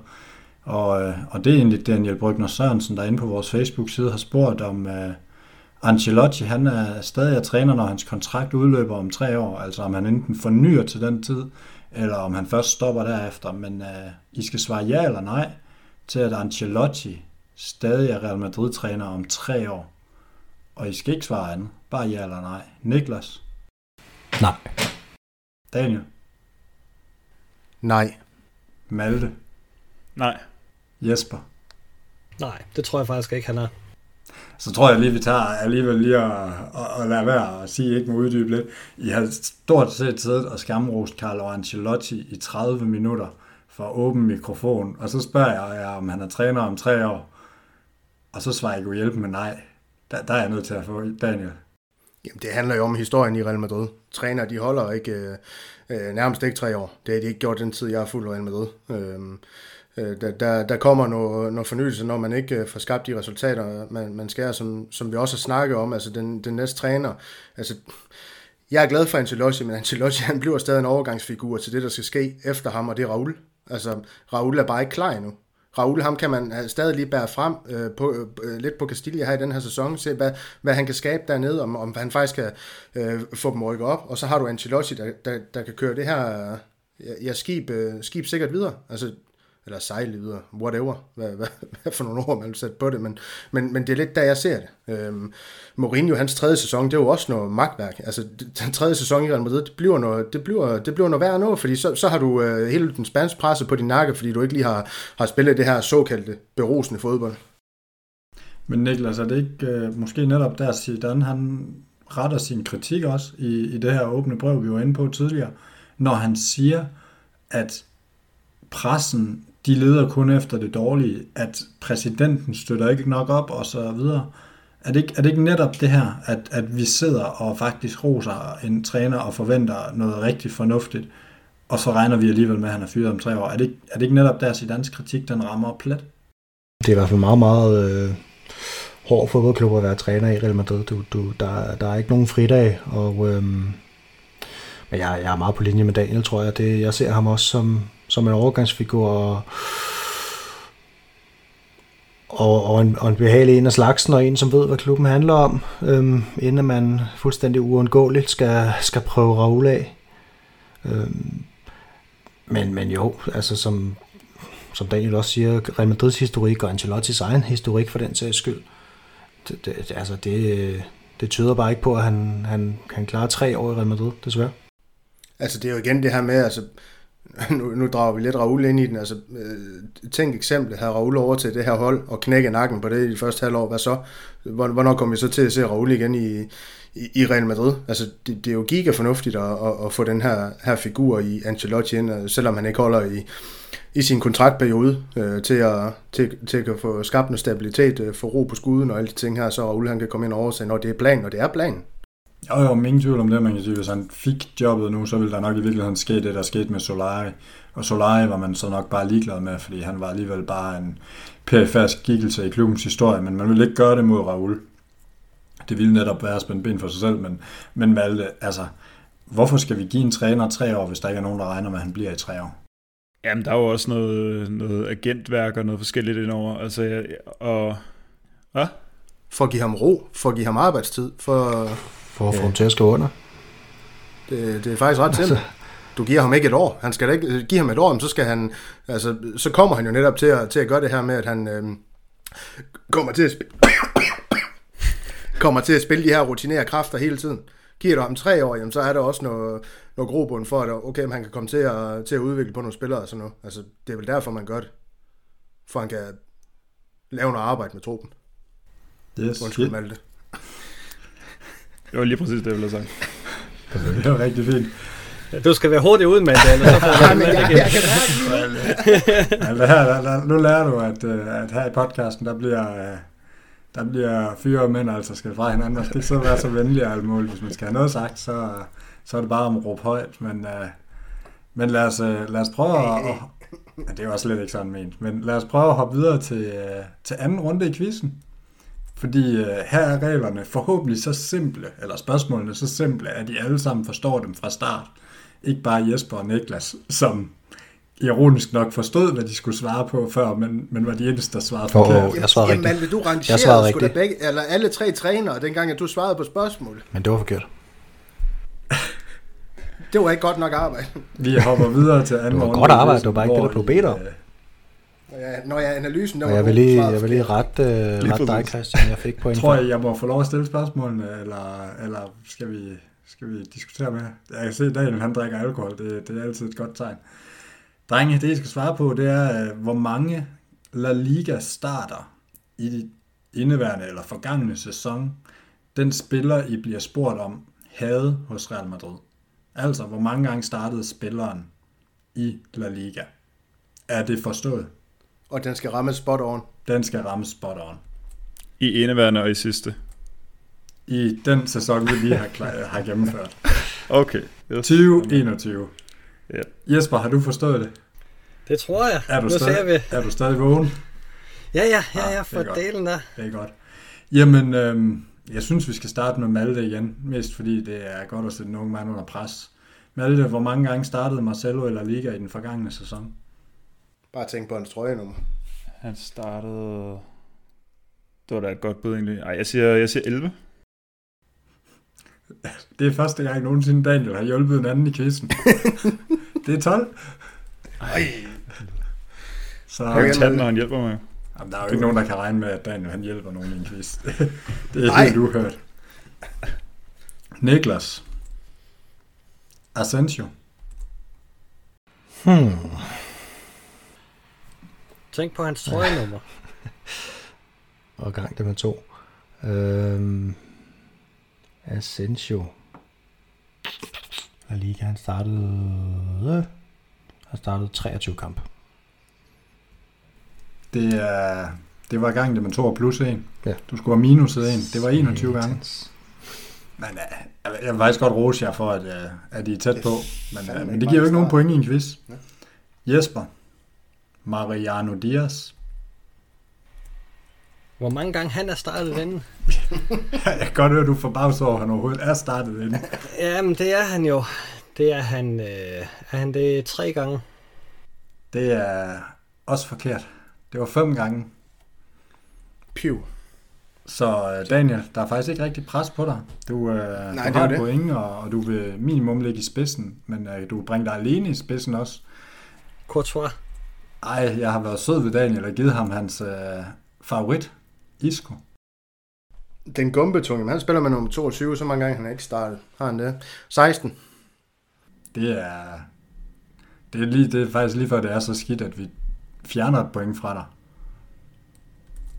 Fordi det var kun 8 gange, I skulle starte ind i den forgangne sæson. Så du skulle halvere det. Men skal vi ikke gætte på, at han godt ville være startet 16 gange, hvis, øh, hvis vi skal tage det på den måde. Det, øh, det gør, at stillingen den stadigvæk er, at Daniel og Niklas I fører med et point inden sidste runde, som, øh, som vi lukker og slukker med lidt senere. Men øh, jeg kan se, at I lige skal have, have lidt til ganerne. Det skal I have lov til. Jesper, han, er, han drikker Odense Pilsner i øvrigt, og, og Malte, den unge mand, han sidder og drikker dansk vand, bare for, at, for lige at føre lytterne helt ind i det. Så, øh, så det er lækkert. Drenge, vi, øh, vi tager lidt spørgsmål ind fra vores, vores Madridister.dk podcast side. Og, og det første spørgsmål, det jeg egentlig godt kunne tænke mig at stille videre, som jeg egentlig synes er lidt interessant, det er, det er fra Ronny Jørgen Olander Rosenberg, som øh, spørger om, øh, I tror, at Carlo Ancelotti, det var vores første prioritet som træner. Det kunne jeg egentlig godt øh, tænke mig at, at stille dig, Malte. Tror du, han var det? Det tror jeg bestemt ikke, han var. Det, det, altså, han var vel nummer 6-7 på listen, vil jeg næsten gætte på. Altså, der var både øh, Konte og Allegri og formentlig også nogle stykker, der var optaget andre steder, for eksempel Nagelsmann. Øhm, men øhm, jeg tror ikke, om ikke andet, så tror jeg, det er en, øh, en løsning, som man er ganske tilfreds med. Men øh, man hiver selvfølgelig en, øh, en træner på kontrakt ud af en anden klub, og det er jo ikke altid øh, uden, øh, uden problemer. Pochettino var jo også optaget, og man vil måske ikke gå i en fight med, med PSG, så der er jo nok en, en del navne, som hvis alle var frie, øh, altså så ville, så ville Ancelotti nok være lidt nedad på listen. Det sidste, det vender vi tilbage til lige om lidt, men, øh, men Niklas, tror du, at øh, Real Madrid de hellere ville have Conte end, øh, end Ancelotti? Nej, det tror jeg ikke. Okay. Tror du, at Ancelotti var vores første prioritet? Jeg tror, at Allegri han var, han var før Ancelotti er tilgængelige trænere. Men, men, men Conte tror jeg ikke, at Florentino Pérez er specielt interesseret i at arbejde sammen med. Han er, han er garant for lidt ballade, og jeg tænker, at lige i øjeblikket, der har Florentino Pérez ikke brug for, at en træner han går imod ham igen. Så, så jeg tror, at han foretrækker Ancelotti over Antonio Conte. Og ellers så tror jeg også, at Antonio Conte han var kommet. Jeg kan ikke forestille mig, at han, at han har sagt nej til Real Madrid for så eventuelt at tage til Tottenham. Jesper, kan det virkelig passe, at i 2021, der er ikke en spansk træner, vi sidder og snakker italiener, italiener, italiener, italiener, så snakker vi en lille smule, et par tyskere, og så stort set det. Hvorfor, hvorfor er der ikke en spansk træner, der er god nok til Real Madrid lige nu? Ja, men den gode træner, spanske træner, øh, der er ham, ham havde vi jo i, i et halvt år, så sendte vi ham til Sevilla. Altså, jeg må indrømme, jeg er stadigvæk øh, lidt ked af, at det ikke lykkedes med Lopetegi, fordi jeg synes stadigvæk, han var et perfekt match, øh, men det var, synes jeg ikke, der sådan lige er nogen, der, der passer perfekt ind øh, af, af de spanske trænere.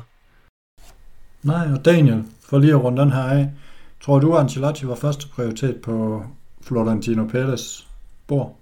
Nej, det var han ikke. Det var Allegri. Det, det synes jeg ikke er rigtigt. Der har, har været nogen tvivl om, hvis man har læst lidt, i, lidt med på, hvad der, hvad der er sket under den her store trænerudkade, der har været i fodbold Europa. Allegri, han var første prioriteten. Det glipper så af, af forskellige årsager, så skal jeg det, lade være usagt, om Ancelotti han så er, er det, man tyr til, eller man har forsøgt at, at, at snakke lidt med Pochettino. Nu går der godt nok lidt rygter om, at det har man ikke, fordi at man vil øh, bevare det her i anførselstegn god forhold med PSG, øh, som man kan brække sig over og læse lidt om. Øhm, men umiddelbart, der vil jeg sige, Ancelotti, så langt ned på listen er han heller ikke, som, som jeg mener, Malte han snakker om. Øh, hvis jeg skulle vurdere det, så, så har han faktisk været rimelig højt over. Ja, men der er alligevel rimelig bred enighed om, at han var ikke, han var ikke nummer et, og, og det er vel også en udfordring som sådan, og, og viser vel også lidt om Real Madrids udfordringer lige nu, måske både med en præsident, som ikke nødvendigvis er helt så, øh, så fantastisk og populær i øh, andre trænere og spillers hoveder, som han var for to år siden, eller fem år siden. Uh, men også at Real Madrids tiltrækningskraft økonomisk måske heller ikke helt er, hvad den har været. Der er nogle andre parametre at, at trække på, Daniel. Ja, men også at, at, at, at det her Zidane han laver den her gang, det minder jo om sidste gang i et eller andet omfang, øh, hvad, hvad det angår. Altså ham og Peters, de har jo det her ja, møde, hvor, hvor, hvor Peters han forsøger at høre, hvad der er op og ned, ikke også? Hvor Zidane han så jo melder ud, jamen det er ikke Real Madrid længere, hvor Peters han, han gerne har set, at, øhm, at han har fortsat simpelthen. Øhm, det bliver så meldt ud, og så der, der er en Nagelsmann jo, jo rent til Bayern München, som vi alle sammen her har snakket om, at det kunne have været et oplagt bud til, til Real Madrid. Du snakkede, har, har selv sagt, Christian, at det var ikke en mulighed, fordi at han var for dyr at, at købe fri, tror jeg det var. Men Bayern, de gjorde det jo. Hvorfor skulle Real Madrid så ikke kunne have leget med på, det, på den galej, kan man sige. Men det gør så også, at Allegri øh, glipper, fordi man har igen koncentreret sig for, for mig om sit andet simpelthen. Jo, men nu spiller du lige den der over, det, det vil jeg godt svare på. Altså, jeg tror, forskellen den er lidt, at at Real Madrid de køber ikke øh, en tysk træner fri, velvidende at øh, hvis det ikke lige kører for den tyske træner i, i de første fem måneder, så er han altså ude igen. Der ville det måske være lidt noget andet, hvis det var et, et stort navn, hvis det i virkeligheden var en Ancelotti eller eller en anden en, som man ved kan håndtere Real Madrid. Det vil være et gedins sats at, at betale penge for at købe en tysker fri, som, som ikke kender kulturen, som ikke kender sproget og, og, og så videre. Der, der er alligevel lidt forskel, hvor det kan Bayern måske lidt bedre tillade sig. De er også, øh, de er også rimelig sikre på, at de nok hiver mesterskabet næste år. Øh, der er bare nogle forskelle i, i, i både kultur og, og klubber, så det er, lidt, det er lidt der, jeg ser den. Jeg, jeg er ikke i tvivl om, at man godt kunne smide de 3 millioner euro, eller hvad det nu koster. Det ved godt, der var meget højere beløb ude, men, men, men det, vi, altså, det er i virkeligheden, det er bare, at jeg tror, at man vil sætte sig ret dumt i forhold til, at det ikke er lige så sikkert, at Nagelsmann vil blive en succes hos Real Madrid, som, som hos Bayern. Det kan være, at man kan tage ham, når han er blevet fyret der om en 3-4 år, eller hvor længe en træner holder i Tyskland. Men, øh, men jeg kan ikke huske, hvem jeg tror, det var Malte, der var inde på det lige før. Nej, det var faktisk dig, Daniel, øh, i forhold til det her med, med Pochettino, og det spørger, øh, det spørger Daniel Sørensen også faktisk også om, om, øh, om vi lod være at gå efter ham, fordi vi ikke ville gøre PSG ked af det. Øh, Jesper, jeg ved, du ikke er en stor Pochettino-fan, men hvis du nu sådan kigger på det med sådan ledelsesmæssige briller, og det egentlig i virkeligheden var ham, man ville have, tror du så, det var fordi, man var bange for at gå i krig med PSG, at man ikke henvendte sig omkring ham? Jamen, Real Madrid vil jo gerne have et godt forhold til, til de største klubber i, i Europa, så, så man er jo ikke øh, interesseret i at gå ind og, og, og stjæle en træner og, og starte en krig. Øh, så, så hvis man skulle have Pochettino, så skulle det være med Paris øh, fuld accept, og det, den lader det jo ikke til, de sådan lige øh, har i sinde at, at give, og, og, og så, så tror jeg egentlig ikke, at Real Madrid vil, vil kæmpe så meget mere for, for Pochettino, fordi der er alternativer derude, som er, som er mindst lige så gode. Så, så det tror jeg ikke, man vil starte en krig på det grundlag. Lige præcis, Niklas. Er du, øh, er du enig omkring det? Ja, vi ved, vi ved at, øh, at Peters han går meget op i relationen til, til de andre store klubber. Øhm, og så længe Paris de har, de har øh, ham, som alle råber efter, så, så tænker jeg, at det er en god idé at holde sig gode venner med dem. Men vi skal også bare huske på ham, der er præsident i PSG. Det var ham, der lukrerer stort på, på det Superliga-show her, kan man sige. Det her med, at han kommer ind og sidder som præsident i det her ESA. Altså, jeg kan ikke, jeg kan ikke se, hvorfor man skal gøre, hvad man kan for, for at bevare en god relation til, til, til de her klubber. Jeg må bare sige, jamen, vil man have en træner, så gafler man ham. Vil man have en spiller, så gafler man ham. Altså, det er det Real Madrid, de har, har vel gjort nærmest hele tiden. Altså var det, var det pænt dengang, at, at Pettis, han giver sit andet, altså historien den er god. en, en serviet, hvor der spørger, om han, han til Real Madrid. Det går da også udenom klubben, han gjorde det. Altså, kom nu bare i sving for fanden, i stedet for at skal, skal have de her såkaldte gode relationer. Malte, er du enig omkring det, at, at vi, vi egentlig skal måske være lidt mere... Nu, nu kritiserer vi ofte Barca for, for at være hårde i forhandlingerne og bryde lidt øh, nogle fodboldlov og, at få nogle uvenskaber. Altså, der, der er flere tilfælde. Det der, det, der springer i øjnene for mig først, det var, det var en Malcolm, som, som gjorde, at, øh, at Roma var ved at, ved at lægge sag an mod dem. Jeg mindes også, at øh, Dortmund ikke synes det var kønt. Øh, Paris har også været, været meget utilfredse med, med Barca's ageren. Altså, men, men er det måske i virkeligheden den vej, vi skal gå, og så være lidt mere ligeglade, og så tænke lidt mere på os selv? Jamen nu er Barca jo heldigvis i en liga for sig. Lige på det punkt der, der er et stykke op endnu, før vi, øh, før vi havner der. Men jeg er ikke helt enig med, med Daniel. Jeg synes godt, vi må skrue øh, bissen, eller at vi øh, ikke skal skrue bissen så meget på, fordi vi har trods alt en anden status øh, i fodboldverdenen end dengang med Zidane.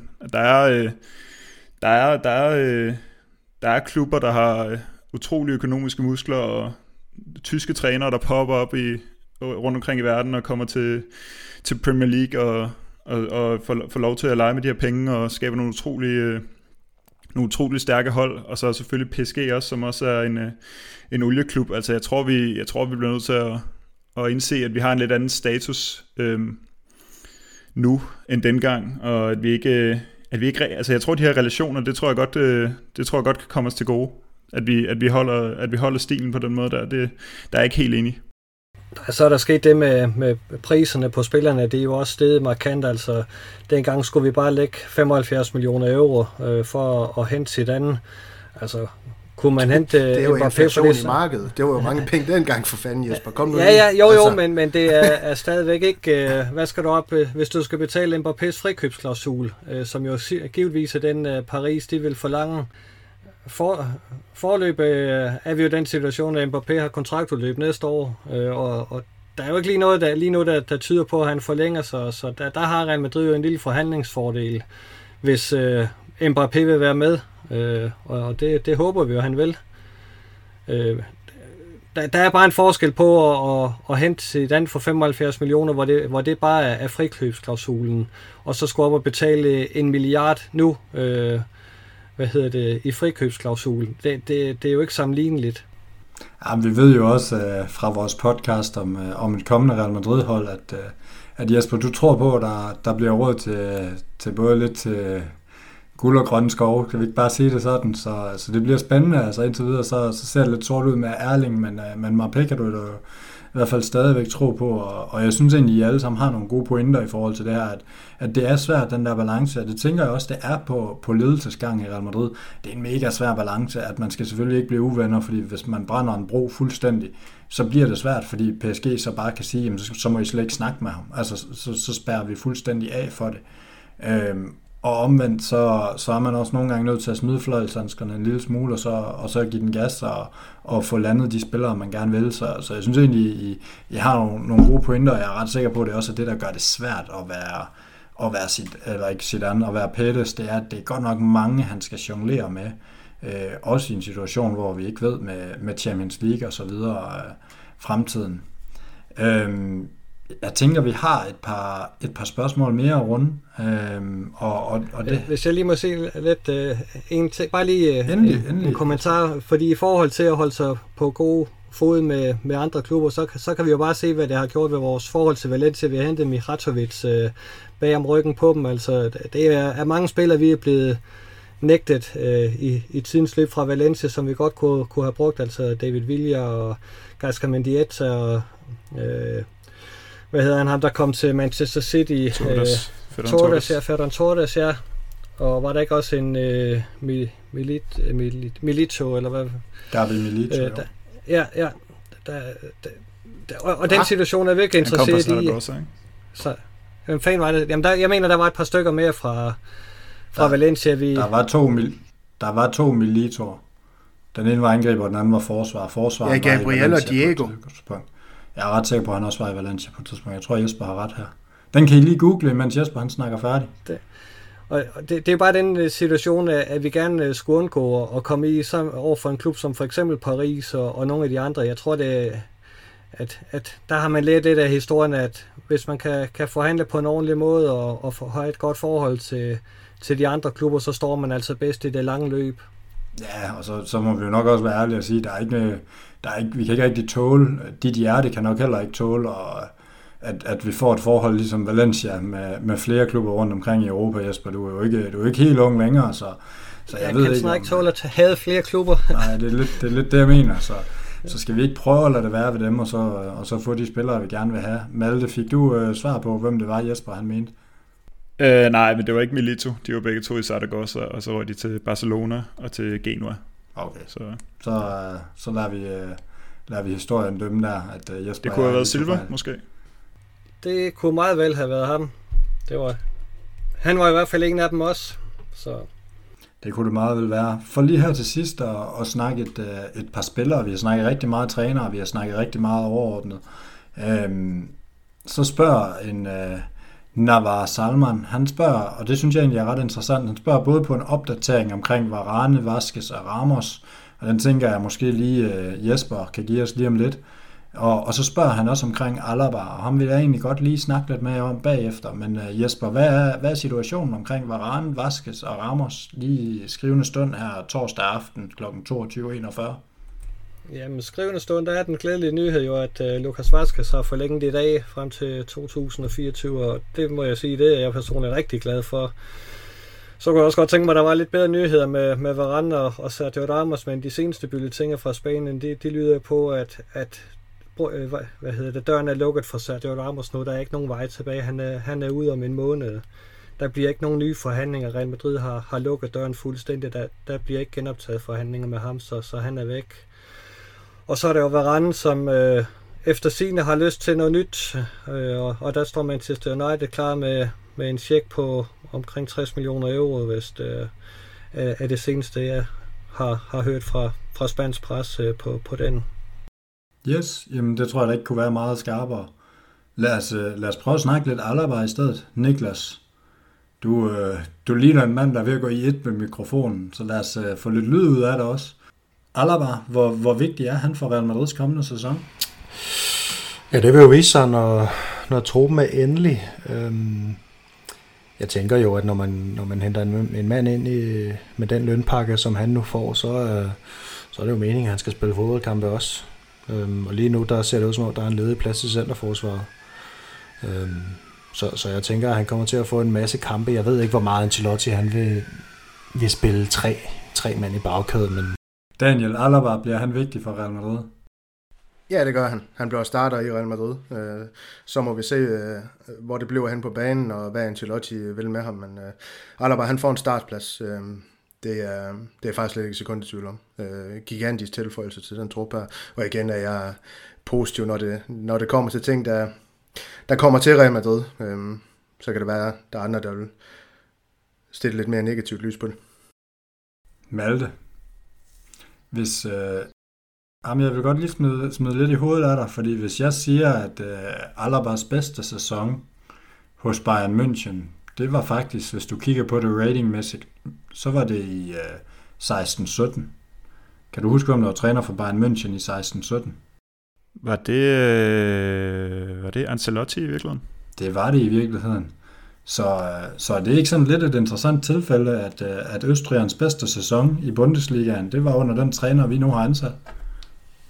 Ja, det må, det må så have været øh, den, øh, den, den mesterskabssæson, må det jo så have været, fordi han røg ret hurtigt ud den anden. Men, øh, men jo, men jeg, jeg, jeg kunne godt være lidt bekymret over det faktisk, fordi øh, altså Ancelotti skilte jo ikke med Bayern på bedste, på bedste vilkår der. Der var jo øh, en del øh, utilfredse spillere, og jeg tror Robben var ude og snakke om, at, at det ikke føltes som om de trænede. Øhm, og de har også lige øh, gået igennem en periode med Pep Guardiola som træner, så det kan selvfølgelig også være den der meget skarpe kontrast mellem sådan en, øh, en, en hypertaktiker og så over til en lidt mere øh, rolig og afdæmpet Ancelotti. Så jeg håber da, at lige præcis øh, Ancelotti og Alaba er på, altså er, er, ja, er på bølgelængde, men, men jeg tror egentlig ikke, jeg tror egentlig ikke, det kommer til at få nogen betydning. Øhm, fordi jeg tror, øh, altså Alaba, jeg, jeg er med på, på, hvad Daniel siger. Jeg tror, han kommer til at få en startplads øh, lidt ligegyldigt hvad. Jeg kunne så godt være lidt bekymret for, om han bliver sådan en, en brandslukker, øh, hvor han skal rundt og spille vensterbak, hvis vi, hvis vi, ikke, hvis vi ikke kan komme skadeskvalerne kvidt, eller hvis han skal ind og ligge øh, centralt i forsvaret, og så på midten og så videre, og så videre. Om det er muligt, altså det, går, det er jo sikkert gået fint i, i Bayern, men om det går godt i, i Spanien, i, i Real Madrid med de kæmpe forventninger, og han ikke, øh, han ikke får lov til at finde sin, øh, sin helt egen rolle. Øh, det kunne jeg godt frygte lidt, at det måske kunne gå lidt ud over øh, hans præstationer. Men, øh, men, men helt generelt er det jo en, en, en virkelig en klassespiller, og han er jo et powerhouse af dimensioner, og han er, han er god, øh, han har godt drive, han er, han er god i presset, og jeg er helt sikker på, at vi, vi får god gavn af ham. Og så fylder han jo først 29 her til sommer, så der er også nogle gode år i ham. Ja, Jesper, hvad tænker du? Bliver han en vigtig tilføjelse? Ja, det gør han helt bestemt. Altså, Ancelotti var ude at sige, at øh, en af de ting, man skal have gjort i løbet af, af sommeren her, det er at have, have skåret truppen ned. Og vil man have skåret den ned, så er det jo vigtigt at have nogle spillere, der kan, kan spille nogle forskellige pladser. Det, det kan uh, Alaba. Og, og det er ikke fordi, jeg tror, at, at han kommer sådan til at få en rolle, hvor han skal spille uh, fire forskellige pladser på, på skift i, i løbet af sæsonen. Jeg tror, man vil finde en, et udgangspunkt til ham, hvor, hvor, han, skal, hvor han skal gøre gavn, og, men, men, men så er det bare rart, at man, man har en spiller, som i nødsituationer kan øh, spille andre pladser, og som også kan give Ancelotti nogle, nogle flere taktiske muligheder. Så, så en rigtig, rigtig dygtig spiller, et, et rigtig godt øh, køb. Ja, jamen jeg tror, jeg tror at vi alle sammen er enige om, at øh, det er godt, når Real Madrid de tilføjer kvalitet, og, og alle, er uden tvivl kvalitet. Øhm, spørgsmålet er måske, om man kan finde den her, der, der er Ancelotti måske, som Malte lidt tidligere har været inde på, det her med at rykke spillere lidt rundt om man kan finde en position, hvor han er bedre end de bedste i verden, eller øh, blandt de allerbedste i verden, fordi han lidt er ved at få sådan et prædikat som en, der er, er måske blandt de næstbedste på rigtig mange positioner. Og, og ellers så bliver det sådan lidt en brændslukker, og det, det har vi jo et eller andet sted Nacho til, kan man sige, i hvert fald i forsvaret. Og, og på midtbanen, jamen der er Valverde jo ved at udvikle sig lidt i den retning, så, så vi har lidt brug for, at, at, at han udvikler sig til at være, være helt sublim på en eller anden position. Men, men det bliver også spændende, hvad det er, Ancelotti han gør. Så, så jeg er meget enig med jer. Det er, det er en væsentlig tilføjelse. Drenge, vi, øh, vi har et enkelt spørgsmål mere, og det synes jeg i virkeligheden, øh, jeg vil ret lidt imod Jesper, for jeg ved, at, øh, at du er næsten lige så glad for ham, som jeg er. Det, øh, Chendo. Nej, det er dog ikke. Men en anden øh, legendarisk højreback skal vi have fat i. Thor Bjørndal Hersted, han spørger, hvad det i virkeligheden er, der gør Arbeloa så grande, og hvorfor det er, at han, øh, han er så væsentlig. Han har jo øh, han har et eller andet sted kun vundet lidt Champions League for bænken, bliver der skrevet her, og, og det er jo på papiret rigtigt nok, men altså, jeg synes også, det er interessant at gribe fat i, fordi Arbeloa er, er linket til at blive vores assistenttræner. Så, så Jesper, hvad er det, der gør, at, øh, at vi er så vilde med Abelora, at vi kalder ham Grande Abelora? Jamen, jeg skal jo ikke afvise, at der er sådan lidt uh, kult i det, uh, hvad hedder det, fra, fra vores side, men, men når det er sagt, når man så kigger historien igennem og ser de spillere, der har været i klubben, så nogle af de spillere, der er allermest elsket, det, det var dem, der havde madridismoen helt ind i hjertet, og hvor man kunne se det, det lyste ud øjnene på dem, at de elskede Real Madrid. Og sådan en spiller er Alvaro Abaloa jo. Altså, man er jo ikke i tvivl om øh, hans øh, kærlighedsforhold til Real Madrid. Øh, og for mig må jeg sige, det vægter langt mere, end at øh, man er en teknisk dygtig fodboldspiller og, og et gudsbenået talent. Altså den der øh, madridismo, øh, som, som man kan udstråle, når man er en type som Arbeloa, Juanito og Raul og, og så videre, det, det er bare øh, helt fantastisk, og, og det er jo en, en spiller, man kan identificere, identificere man kan... Hvis du bliver ved længe nok, så rammer du den. Ja, det, er en, det er en spiller, man kan noget med. ja, det, det kan man kan nemlig noget med ham. øh, men det skal vi ikke. ja. det, er, det er en spiller, som, som man virkelig øh, kan, kan mærke, når, når han er på banen, og man, man kan se, at, at han elsker Real Madrid, og, og det må jeg sige, det, det betyder rigtig meget for, for mig i hvert fald. Så, så derfor er jeg helt vild med ham. Ja, men jeg vil, jeg vil gerne give dig ret. Nu, nu følger jeg ham øh, meget på sociale medier, og, og, og har også altid været glad for Abelora. Og, og det er jo lidt det her med, at efter hans karriere er slut, jamen han kommer stadig på stadion. Han kan faktisk godt finde på at stå væk fra VIP-boksen.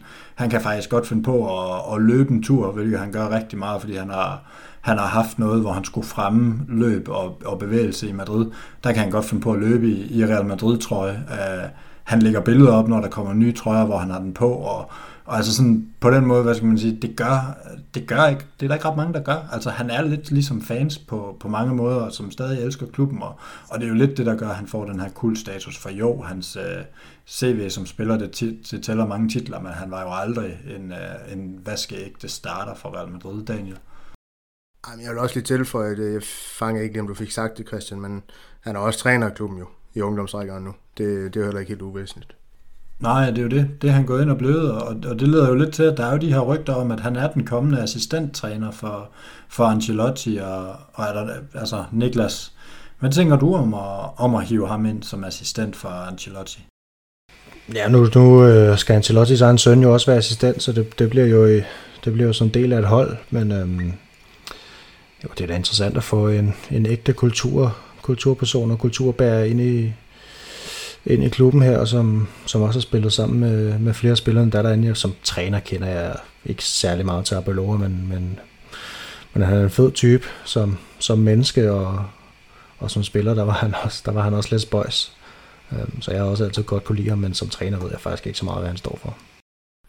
Ej, men prøv nu at se det der med, han står der skarp med jakkesæt ude på sidelinjen.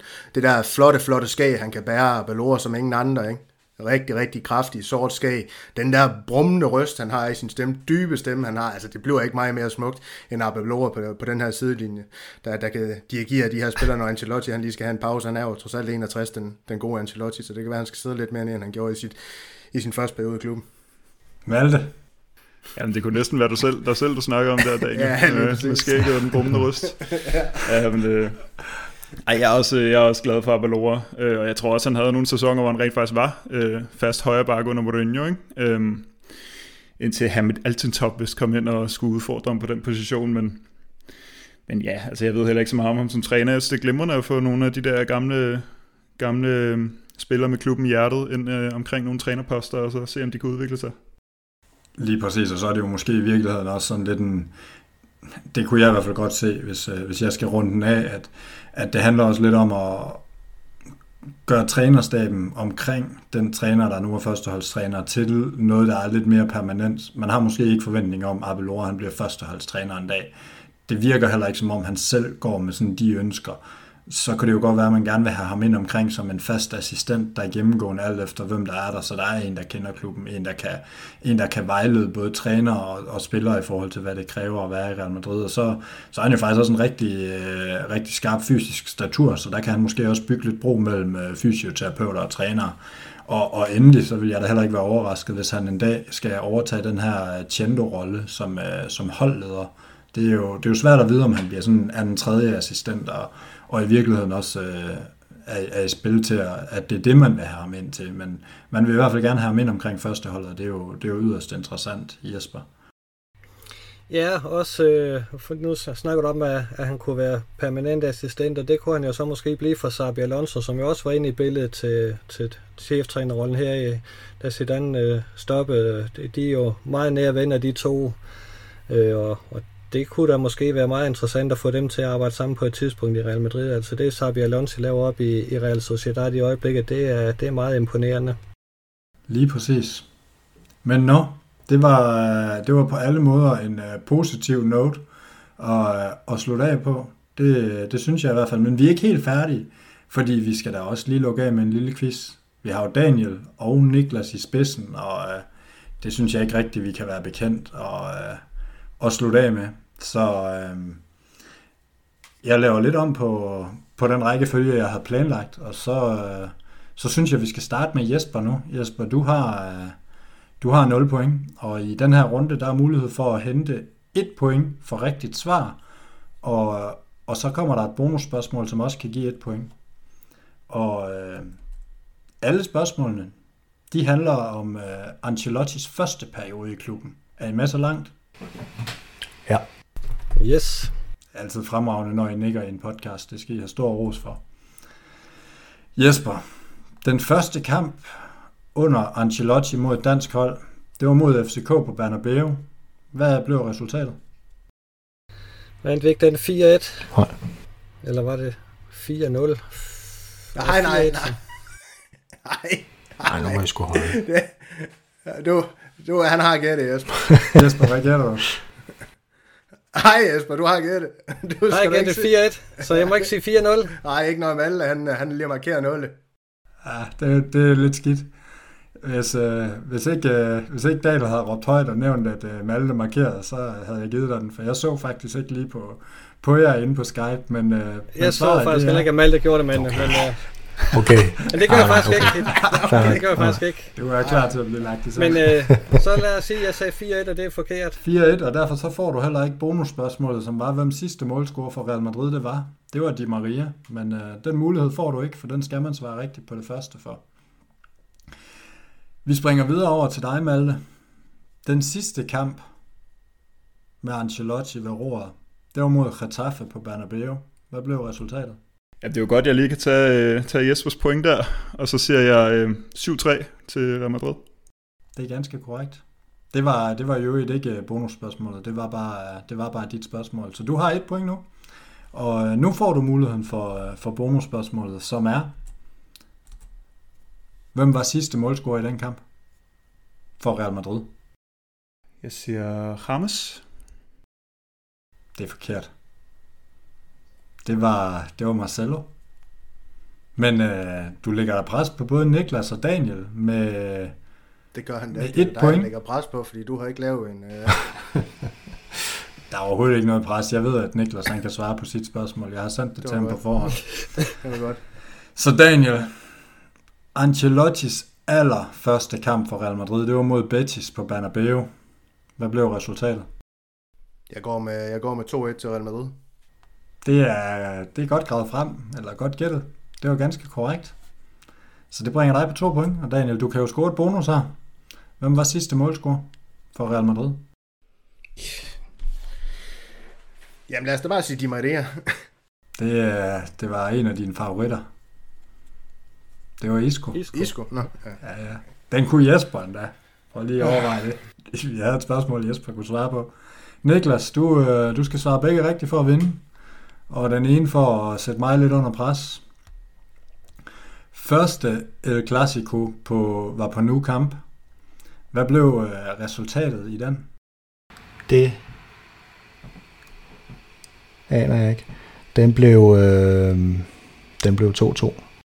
Dermed så har vi en vinder i quizzen. Satans. Det var, det var 2-1, og jeg lover også, det bliver den eneste gang, jeg giver bare så en sejr i vores, øh, i vores podcast. Det var jeg faktisk lidt ked af at tage med, men jeg kunne simpelthen ikke finde andre, andre kampe og lige, øh, lige notere. Det var 2-1 til Barca, og, og sidste øh, målscorer i den kamp, det var legendariske øh, José Rodriguez, som desværre fik en karriere ødelagt af en korsbåndsskade eller to alt for tidligt. Drenge, vi er ved at være igennem. Vi øh, kan kort Daniel som vinder af quizzen. Der er også lidt ro derovre fra, eller deroppe fra lige nu. Og øh, vi fik indgået et enkelt vedmål. Ellers så fik vi snakket en masse trænere, og, øh, og også en lille smule øh, Alaba. Er der nogen af jer, der sidder tilbage med nogen sidste øh, kommentar? Ja, det skulle lige være, at Vinicius skal op og lave 16 mål i den kommende sæson her, hvis øh, Daniel skal have rundsvir med flødeskum. Og Luis Canizares, han spiller på Real Madrids ungdomshold, og vi også hentet Albiol i Valencia, men nu over det, så kører det. Jeg tænker bare, at vi lukker den ned her, inden der, der bliver helt øh, Ragnarok. Ala Madrid. En ala mas.